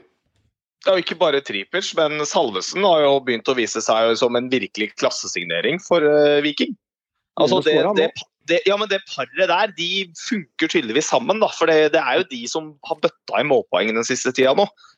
Um, og vi har vært innom det med Tripic før. da, altså Han er essensiell for at Viking skal opprettholde seg oppå i den medaljestriden de nå er i. Uh, fordi han drar det laget. Og når Tripic er god, generelt så er Viking gode. Men hvis han bikker litt under og faller litt nedpå, så faller resten av laget etter. Men jeg, nei, jeg er blitt eh, imponert uh, fremdeles. Jeg synes, altså Viking seiler nå sammen med som var inne på Molde tidligere, du Håvard. At de var innom. Så jeg mener også det at Viking er kanskje det tredje laget som helt soleklart er en medaljekandidat da, enn så lenge. De, de virker fryktelig sterke. Jeg er enig med deg at Viking ser veldig sterke ut nå. Jeg synes at Nå er Tripic tilbake på sitt beste, som vi så for noen år Mm. siden. Eh, han er tilbake som den hærføreren, den derre vill i blikket og eh, skaffer målpoeng. da, Både i form av assist og skåringer. Og, og spiller opp og river og sliter og drar laget fremover. og og så har du faktisk også Salve som begynner å skåre jevnt og trutt. Nå er det, er det fire mål på rad. Fem mål, tror jeg. Ja, på fire på rad, men han har fem totalt. Ja, ja, han begynt å skåre litt. Og så har du også en sulten spiss i Diago Silva her som kommer inn og gjør jobben. Og Sander Svendsen har til tider vært bra. Jasbekk. Det er flere. altså Solbakken styrer bra på midten. Harald Nilsen Tangen. Det er flere. Og så syns jeg også at eh, Diop eh, har tatt den eh, sjansen bra sammen med Brekkalo. Og, og er ganske solid. og Jeg tror også at Viking kommer til å se seg om etter å hente spillere. Brekkalo kan fort forsvinne i sommer. Han er kanskje en av de hotteste stopperne i ligaen. Meget god stopper. Eh, så tror jeg at eh, Viking fort kan hente inn nye og kanskje også forsterke litt offensivt. Det er godt mulig at de gjør, for nå, nå lukter de medalje i Stavanger. Ja, han gjør det. By far. Og nå, nå, nå merker du at nå har de noe virkelig på gang. og Jeg tror ikke dette kommer til å rakne. Men igjen, du ser trenden fortsetter. da, Tendensen fortsetter. og De går til pause med enten uavgjort eller ligger under. Denne gangen var det uavgjort. Så kommer de ut. Pang, pang!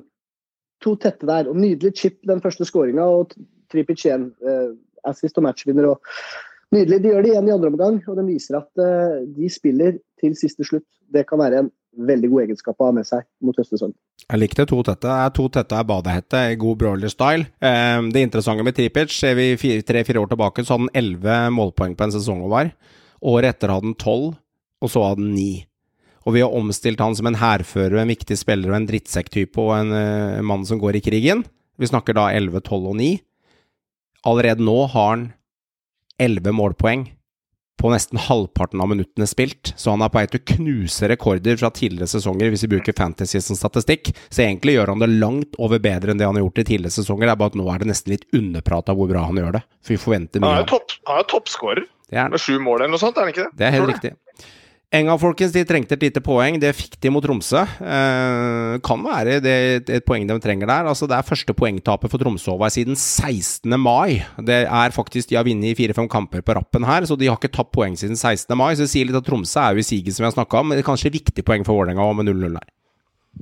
Mest imponerende av Vålerenga er at slett klarer å ta poeng. Eh, med tanke på Det Det er ikke spillet til å imponere, men det er at de klarer å krige seg til det poenget ved å ligge bakpå. De starter med to 17-åringer, Vålerenga altså. Med Thorvaldsen og eh, Kjeldsen Hammer.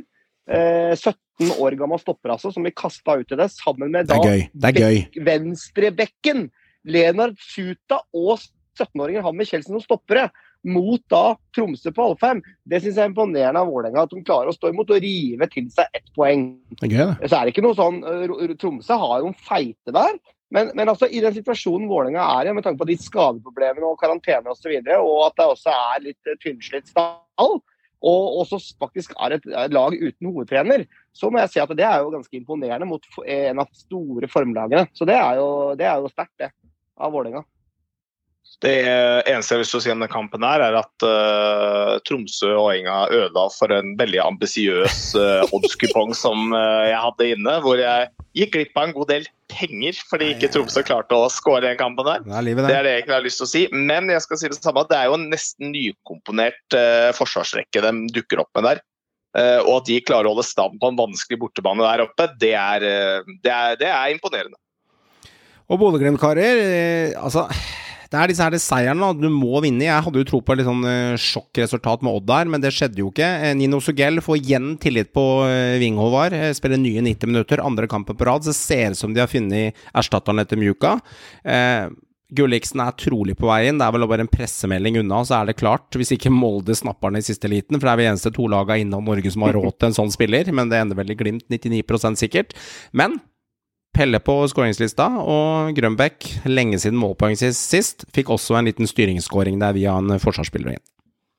Og Da er det ikke typisk da at da slår man tilbake med spillere som Classic, eh, det. kvalite- ah, har kvalitet. Når det begynner Yes. å snakkes litt om eh, at det- måla uteblir, da kommer det ofte mål fra sånne spillere. og og Da svarer jo begge på tiltale, og det er jo eh, sterkt i seg sjøl. Og jeg syns at Bodø-Glimt vinner liksom litt sånn på halv marsj, nesten, hvis du skjønner. Mm. Uh, det er nesten litt sånn, og de vinner liksom greit 2-0. Mm. Så har Odd litt ball og kjører litt rann og den biten der, men uh, Glimt vinner kontrollert og greit, syns jeg. Uh, og så tror jeg nok at uh, de får glede av Tobias Gulliksen. og Han tror jeg kommer til å bli omskolert. For jeg er ganske sikker på at de kommer til å hente han. Han kommer til å gå inn og kjempe i indreløperrollen og konkurrere der, og blir typen erstatter for Hugo på litt sikt. Og kommer nok til å bli innkjørt litt sånn sakte, men sikkert som en type indreløper. Jeg tror det er mer naturlig at han blir en rein kant i Glimt. Det, og så har de også henta denne Wonderboyen fra Tromsø, Daniel Bassi, er klar i en meget kontroversiell overgang. Eh, Den lokale spilleren, Tromsø-produktet, som da nekta å skrive under for TIL, men da har valgt å skrive under for Glimt. Dette her eh, var virkelig kontroversielt valg. Lokale tromsøværingen til rivalen i Bodø, og signerte fra januar 2024. Men nå er klubbene, med tanke på at det var voldsomt kok, fansen nekta nærmest å, nærmest å støtte laget hvis Bassi skulle spille med for Tromsø. Gikk ut på offisielt og sa dette her. Så da har klubbene blitt enige om at Bassi går allerede nå mot at Lasse Nordås, spissreserven, som har vært i Tromsø før, går motsatt vei. Eh, så det er et rent svopp der, nærmest. Og så kommer Basti inn, 18 år gammel, og Nordås tror jeg kan bli en bra spissalternativ for Tromsø. Jeg er enig. Jeg tror Nordås kan være en sånn spiller Tromsø kanskje får litt fart på. Det er Ja. Det, det, det, det, Ja, han har kvaliteter, han. Ja, 1,93. Ja, så, ja, men sånn de spiller nå, liksom. Ja, så er han Altså- 1,93-1,94 høy. Han er vanskelig å håndtere. Ja. Han er faktisk ganske høy. Han er Eliteseriens høyeste spisser. Eh, men klart, å Han få var ti- god i Tromsø sist òg. å få tillit til Bodø-Glimt er vanskelig. Han kommer litt langt ut i andre rekka, så det er vanskelig der. Men eh, et par spørsmål der. Eh, tror du Bodø-Glimt ruster ut i Europa nå med Gulliksen? Det lukter litt Carlo Holse også. Jeg tror ikke Carlo Holse går til Bodø-Glimt. Jeg hørte på siste poden til Rotsekk. Da var eh, Berdal, daglig leder i Rosenborg, med i podden. Og da var det nesten avvist at eh, ja, det skal 200 mill. på bordet, sa han med flørtende stemme, for at uh, vi skal selge Holse til RBK. Det er det siste nytt rundt det. Når en daglig leder i RBK går ut og sier det, så kommer ikke de til å selge til Glimt, garantert. Da kommer de sannsynligvis enten til å selge til utlandet, eller så kommer Holse sannsynligvis til å sitte, Joakim, ut kontraktstid i Rosenborg. Det er det som det siste sitter nå. Jeg tror de sitter meget hardt inne at de selger til Bodø-Glimt. Da, tror jeg- da tror jeg brakka faller ned. Det er Jo, nesten men ikke bare, ikke bare det, da, men de kan ikke selge generelt. Altså, det er det som er, De må jo beholde alle de kvalitetsspillerne de faktisk har det er i troppen nå. Sånn. De, sånn. de, de kan ikke gi fra seg noe nå. Jeg tror faktisk heller de står med han kontrakta ut enn å selge til Glimt. Ja, det tror jeg nesten de gjør. Ja. Og så får han heller gå gratis til Glimt fra sommerpausen. Men det, det skjer Faktisk ikke, for da er det andre klubber som kommer på banen fra Mm. utlandet. Han går heller til utlandet. Han går ikke til Glimt nå, Nei. eh, tror jeg. altså. Blir... Og så henter de Gulliksen også. Ja. Da tror jeg det blir litt sånn smør på flesk å hente Holse. Skal de bruke 60 mill. liksom på to norske spillere innad i ligaen? Ja. Altså snakk om, Det er forskjell på å runke og rive av seg kølla. Altså. Det, det, er, det er mye penger for to spillere Jeg tror heller de ser på andre De henter Høg. Da, Glimt, da tror jeg de går for Høg og sånne ting i Med stedet. tanke på at Nordås ut, Høg inn. Bassi er Ja, det ligger nok litt i kortet. Forrige runde, Håvard du tar poeng på Vikingseier, ett poeng til deg. Eh, Johan tar poeng på Lillestrøm-seier på Lerkendal. Eh, Meran, du tar poeng i Sandefjord Stabæk uavgjort, godt spotta. Og Joakim tar poeng i Molde over Brann. Det er halvparten av kampene med riktig seier, herre. Eh, Det er god flyt, altså. Fire av åtte er bra, seks av åtte sist gang. Alle tar ett poeng. Ingen tipper riktig resultat, men det er fortsatt poeng på alle. Og der er det akkurat nå Meran, du har eh, 13 poeng. Joakim, du har 10. Johan har 10. Og Håvard, du har 12. Så det har jevna seg litt ut etter at Håvard kom med noen sterke poeng bakfra der. Så dette her ser greit ut, sånn som det ser ut akkurat nå. Neste runde skal spås.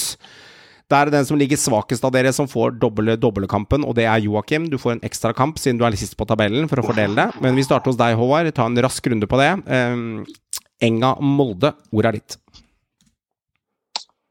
Enga Molde, jeg tror Molde vinner. Eh, Jeg tror Molde vinner eh, 3-1. 1-3. Ålesund-Odd. Jeg Tror jeg Ålesund vinner. Eh, Ja. 2-1. 2-1 hjemme.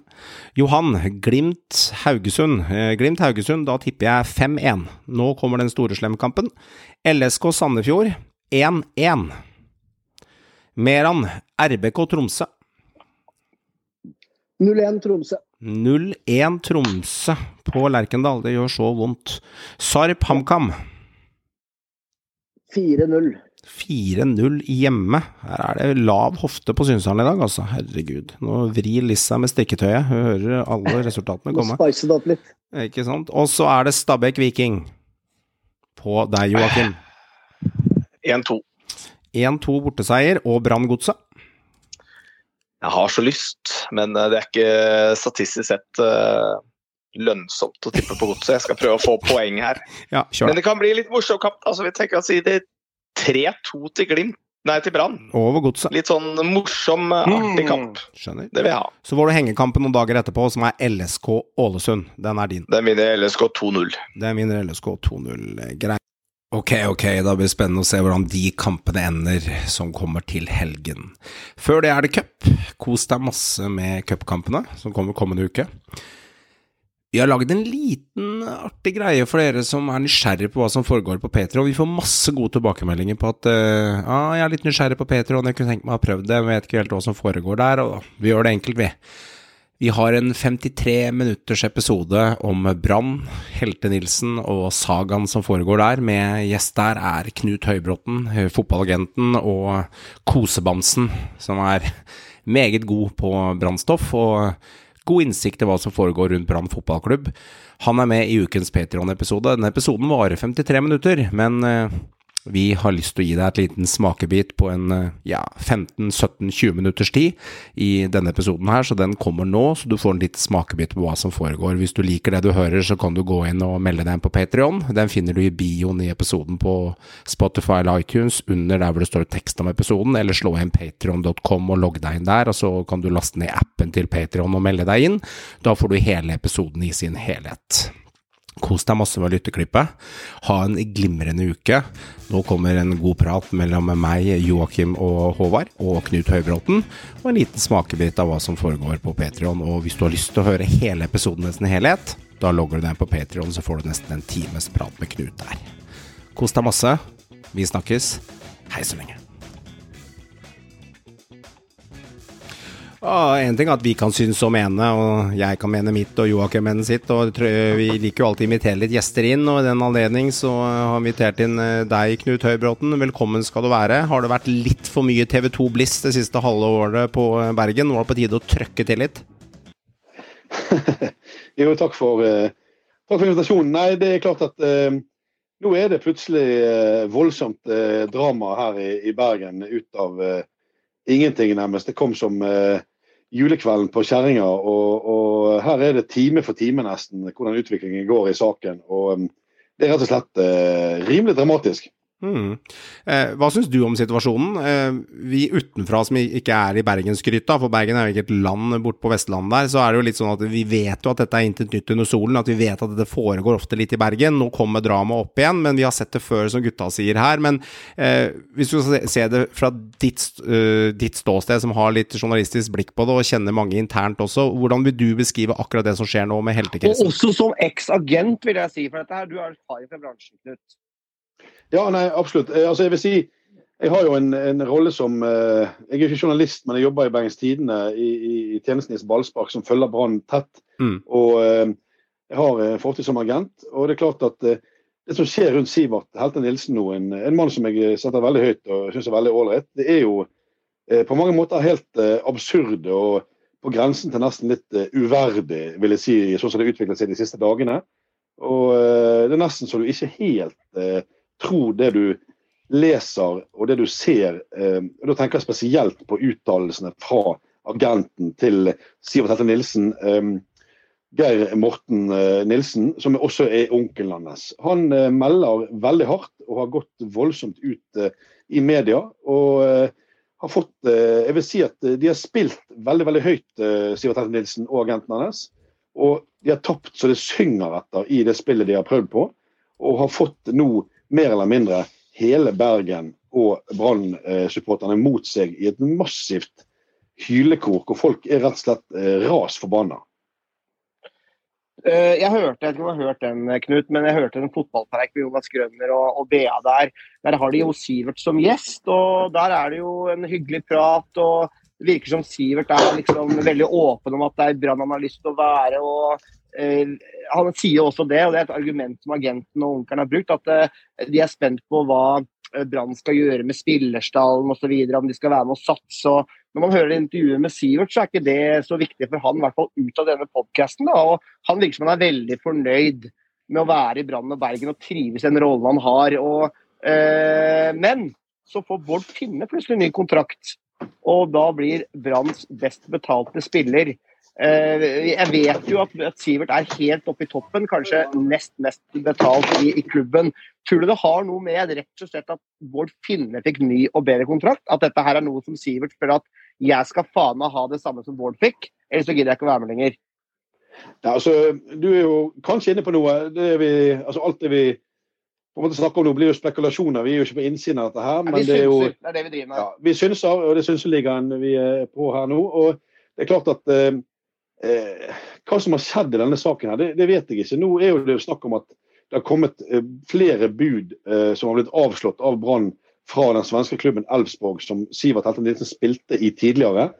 Eh, det er flere elementer rundt det, eh, hvis vi kan begynne bare der. Mm. Det er jo det at Sivert Heltene har jo to år igjen av kontrakten sin. Mm. Eh, agenten hans, onkelen, har gått ut i media og sagt at han har blitt tilbudt en fireårskontrakt til svært gunstige betingelser i Elfsborg. Bare der så skurrer det jo veldig, fordi det er jo slett ikke greit i det hele tatt, og er jo imot Fifa-reglementet at en spiller eh, forhandler med en annen klubb under kontrakt med eh, en klubb. Det er jo ikke lov. Eh, og eh, der er han jo på en måte, har han malt seg inn i et hjørne, for han har bekreftet at han har fått et tilbud. Eh, han er samtidig forbanna over at, i hvert fall ifølge hans påstand, agenten sin påstand, at Brann ikke har formidlet til eh, han og Sivert at det har kommet et bud på han. Eh, så allerede der så er jo agenten ute og seiler noe helt sinnssykt i mine øyne. fordi at de har jo brutt Fifa-reglementet med å forhandle med en klubb uten lov fra eiende klubb eh, Brann. Eh, nå skal sant sies, jeg har erfaring som agent, og det er klart at Mm. dette er jo eh, sånn det gjøres. Man snakker jo selvfølgelig sammen eh, hele tiden. Og ehm, eh, det er sånn det fungerer. Og det er klart at før dette budet kom til Brann eh, offisielt fra Elfsborg, så er det ingen tvil om at Sivert Helte Nilsen og agenten hans eh, har snakket med Elfsborg, blitt enige om de personlige betingelsene. I agentverden så er ofte det siste som skjer, det er at det kommer et offisielt bud. Eh, jeg skal ikke si at det har skjedd i dette tilfellet her, men jeg, jeg er rimelig sikker på det. Så bare der, i utgangspunktet, så står de offside begge to og har gjort en uryddig innsats. Men tror du at Sivert på en måte er offer for dårlig rådgiver og en agent som på en måte altså ikke gir han eh, rett og slett gode nok råd da, på veien videre, eller er dette her noe som er altså, fra han selv? At dette her er noe som han faktisk ønsker å gå til Elfsborg? Eller tror du det er at de prøver å presse Brann for å få lengre kontrakt eller eventuelt mer penger? Det er et veldig interessant spørsmål. Det er et slags kjernespørsmål. Hvor involvert er Sivert her? Jeg tror han er veldig involvert. Jeg kan umulig tenke meg at han slipper onkelen sin løs eh, som en kanon på dekk eh, og gjør dette her uten at Sivert er fullt informert og vet hver centimeter hva som skjer. Sivert hadde masse muligheter, spesielt i går i et intervju med Bergens Tidende og Bergensavisen, til å kunne svare på spørsmål og eventuelt dementere påstander fra onkelen. Det valgte han å ikke gjøre på noen slags måte. Sånn at i utgangspunktet så eh, fremstår det som at Sivert stiller seg bak alle uttalelsene til agenten sin. Jeg så i går et klipp på Twitter, hva Laksos har lagt fra din side, retwitta, Knut, at eh, du valgte å retwitte der, og flere gjorde det. Du fikk gode tilbakemeldinger på det fra folk. Eh, Et 30 sekunders klipp som jeg vet var lengre, der hvor eh, Helte Nilsen kikker ned i bakken. Du tar hånda rundt han og sier 'jeg håper dette løser seg på best mulig måte'. Du er en god gutt, vi er glad i deg, du er glad i oss. Jeg tolket det som at jeg ser det som at én, du viser fram litt sånne bamseegenskaper, at du er et medmenneske. Eh, to, eh, du ønsker egentlig å legge litt sånn ro på det og la Sivert få muligheten til å angripe deg på en annen måte. Det er sånn jeg tolker det. Og tre, du ønsker eh, på en måte å vise kjærlighet fra deg som supporter, journalist, BT, hvordan man tolker det, ut mot han. Eh, hva var grunnen til at du gjorde det i sin helhet og velger å ta den approachen, og så får du mye oppmerksomhet også? Ja, nei, Altså du kan si det sånn, Jeg sto jo i intervjusonen der. Det var Mats Bøyum, eh, vår ypperlige journalist i Bergens Tidende, og mm. eh, Jonas Johnsen fra Bergensavisen, som hadde et felles intervju med Sivert Heltene. Jeg sto på siden og var ikke inne i intervjusituasjonen. Mm. Og, så, og de spurte han på alle mulige forskjellige måter. De gjorde et veldig bra journalistisk intervju med han. Og, mm. og, i ti minutter så sablet de han på en måte ned. Han svarte for seg, vil jeg si, veldig, veldig dårlig. Så mer og mer ned i bakken. Mm. Og litt sånn som jeg på en måte min person er, så vil jeg på en måte dra inn det personlige. At nå må vi ta en fot i bakken og tenke at uh, dette er Sivert. Og, og, og igjen, Jeg så at mannen uh, syntes dette var jævlig kjipt og syntes at dette var ikke en behagelig situasjon å være i.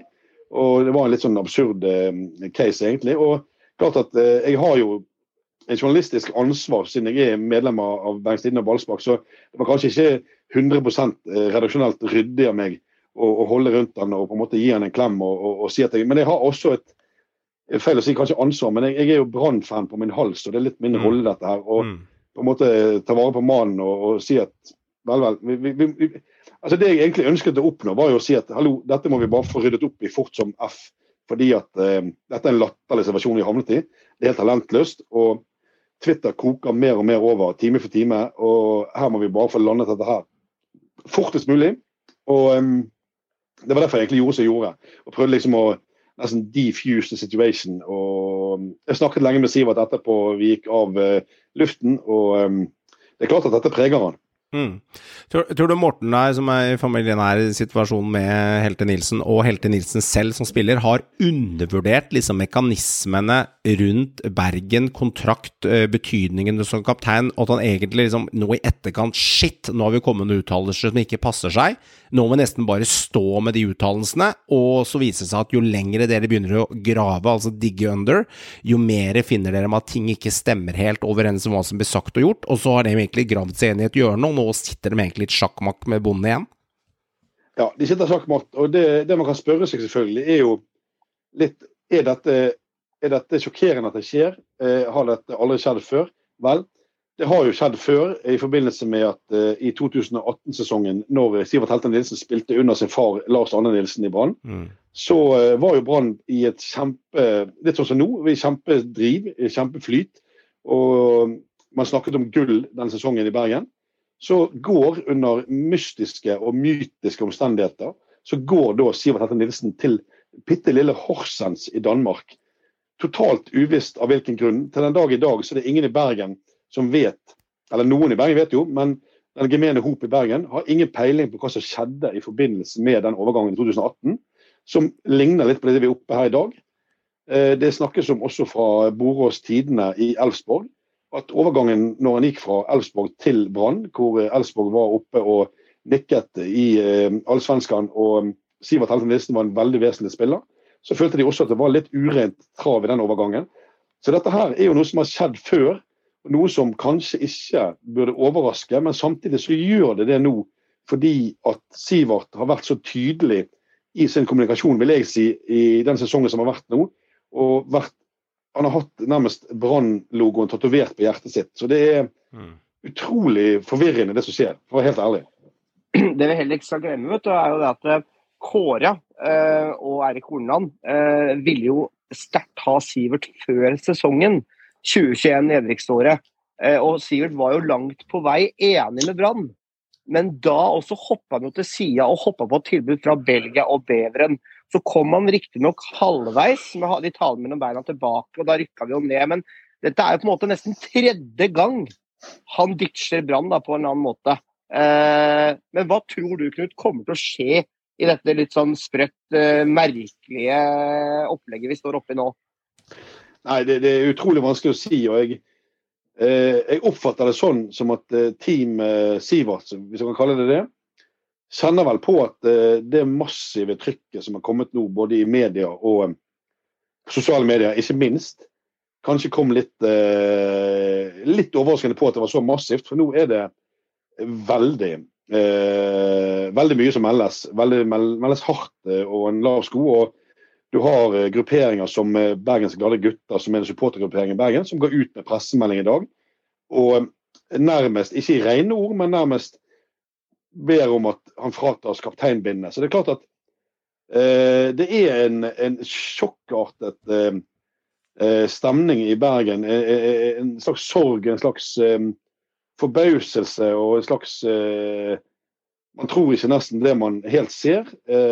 Så jeg vet ikke helt hvordan dette har vil ende, for helt ærlig. Det, det, som jeg også finner litt spesielt, er jo det, det, du ser som kommer ut nå, har kommet ut den siste tida fra agenten. da, uh, Onkelen.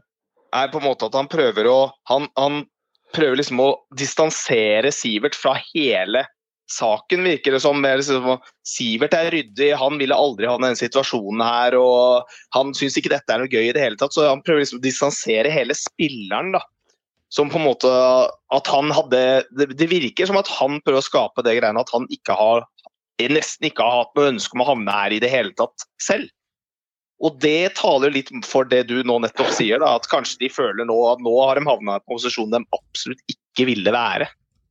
Nei, og, og ja, og, og, og, eh, det du sier, jeg leste også det sitatet i VG i sted og ble litt overrasket over det på en måte. Ja. Men, men det jeg ikke forstår i den sammenhengen, er jo det er så uhyre enkelt for Sivert sjøl å kunne gå ut og mm. melde eh, enkle ting som å si at dette syns jeg er superubehagelig, dette er ikke sånn jeg ønsker at dette skal være.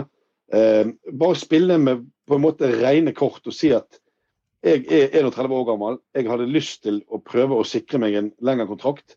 Gjerne med en eh, bedre lønn enn det jeg har nå, fordi at nå har vi tross alt kommet oss gjennom cupfinale. Vi kjemper opp i toppen av ligaen, vi skal ut i Europa. Jeg føler det er greit å, å kunne be om det. Eh, men han velger fullstendig å Han svarer mm. absolutt null og niks.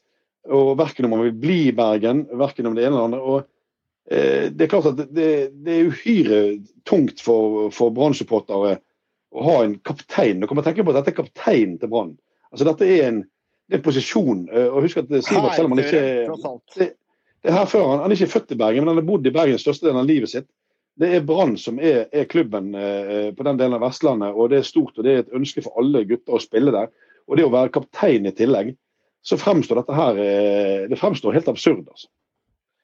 Men tror du, ah, hvordan tror du eh, spillertroppen, Hornland, Huseklepp, teamet rundt Han er tross alt eh, en meget viktig spiller også for dette laget og har vært det i lang tid nå. Hvordan tror du det, Hornland ser på det her?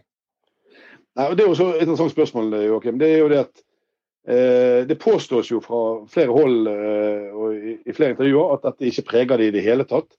At de ikke har det som en eh, energilekkasje. Det caller jeg bullshit på. Det er klart at dette her preger de enormt. Jeg snakket med folk i Brann i går før kamp osv. Det er dette som er snakkisen. Det er dette som er det som snakkes om, og det er selvfølgelig klokkeklart. Um, dette er en stor energilekkasje, og noe de absolutt ikke har bruk for nå i det hele tatt. I en veldig veldig tøff juli måned for Brann, som har en tynnere stall enn de noensinne har hatt. De har tøffe motstandere som Vålerengen på onsdag i kvartfinale. De har Strømsgodset eh, hjemme på, på, søndag. De har eh, Tromsø borte. Det er en kanontøff eh, juli måned for dem, og Viking hjemme, ikke minst, på slutten. Mm. Sånn at eh, dette her er rett og slett en slags liten katastrofe som bare kom ut av ingenting. Det interessante som jeg slår meg litt, er at det var så mye faenskap og tull i, i Brann med nedrykk og alt som kunne gå galt, gikk galt, og så var det opprydning og midt på Obos, og så kom Hornland innover etter Kåre, og så endte det med at han rydda litt i fanesjen, og så var det dette her med eh, nachspiel-skandalen og klassisk eh, Bergen, det også. Men jeg ser det litt sånn, sånn, litt sånn sannhetens time også, for Brann fotballklubb. Fordi jeg føler vel på avstand at dette her er aldri vært så kontroll i Brann som det er nå. Det er én kontroll på økonomien, tabellsituasjonen. En trener som uh, fighter kriga duellera. Altså, Hornland er hel ved. Uh, ledelsen med Huseklepp og de som sitter på kontorene der. Det er mye bra folk der. Huseklepp er jo eh, assistenter. Ja, men det er en del av liksom, trenerteamet og hele ledelsen, hele administrasjonen og alt der. Jeg føler at det ligger Kalvenes og gjengen, de har kontroll. Ja, du skjønner hva jeg mener. Eh, poenget er det at det ligger veldig mye grunnfundament på at noe er bygd opp riktig i fotballklubben nå, Høybråten. Så det vil si at det jeg sitter med tanke her nå, at dette blir litt grann eksamen for Brann fotballklubb. Hvordan de skal håndtere denne lekkasjen, hvordan de skal bære det kulturelt, hvordan de skal håndtere det med om de gir en bedre kontrakt, eller om de skal se fuck it, vi selger deg, vi går videre. Skal spillerne være større enn klubben? Det er mange interessante spørsmål om de har lært noe av tidligere situasjoner. På en måte et lite veiskille. og det er interessant denne casen her. Definitivt. Veldig, veldig gode poenger du kommer med. og det er klart at uh, Nå er det en uh, ny ledelse i Brann, uh, ut med Vibeke Johannessen, som for så vidt gjorde en god jobb i sin tid. Det er Kristian Kalvenes som kjører en helt annen linje. Det er Erik Horneland som også kjører en helt annen linje enn Mm. både Kåre Ingebrigtsen og Lan. det er en mye åpnere linje, bl.a. Um, den som kanskje har vært tydeligst i denne saken, her, er jo Erik Horneland, som også um, understreker at han har ingenting med denne saken å gjøre. Men han melder veldig tydelig hva han mener og syns om dette her. Og, og, og er veldig klar på at han ønsker å ha Sivert. Han håper at folk har pustet med magen. At dette må vi snakke om, her må vi få kommunikasjonen opp og stå igjen. Um, du har uh, Jimmy Narild Jacobsen, sportsdirektør i Brann, som er en veldig ryddig og fin type. Uh, som snakker med pressen uh, når, må, når man måtte ønske å få tak i han. Han er riktignok veldig lukket, det er helt ryddig og greit. Men i går kan man merke seg, i går for første gang så kommer Jimmy Nagel Jacobsen, sportsdirektør i Brann, ut i pressesonen og ønsker å snakke med pressen. Det har aldri skjedd før. Og han ønsket å komme med budskap. Og Det sier kanskje noe om hvordan denne situasjonen har utartet seg og blitt veldig annerledes enn eh, det det pleier å være når det kommer til overgangssaker i Brann. Her er det ting som skurrer, her er det ting som er gjort eh, uryddig, og her er det, som Horneland sjøl sa, det er klart at dialogen er dårlig når han går utad, altså i media. Men eh, vi trenger de poengene vi kan få. og Jeg syns ikke det er noe Det er ikke noe filming, det er det ikke. Men om det er et billig straffe, det må jeg nesten se det igjen. Så. Det er jo ikke noen eliteserien som matcher han som kantspiller, så når han produserer mål i tillegg, så, så er jeg redd han blir for god for Vålerenga. Vetlesen. Oi, oi, oi, oi, oi, oi,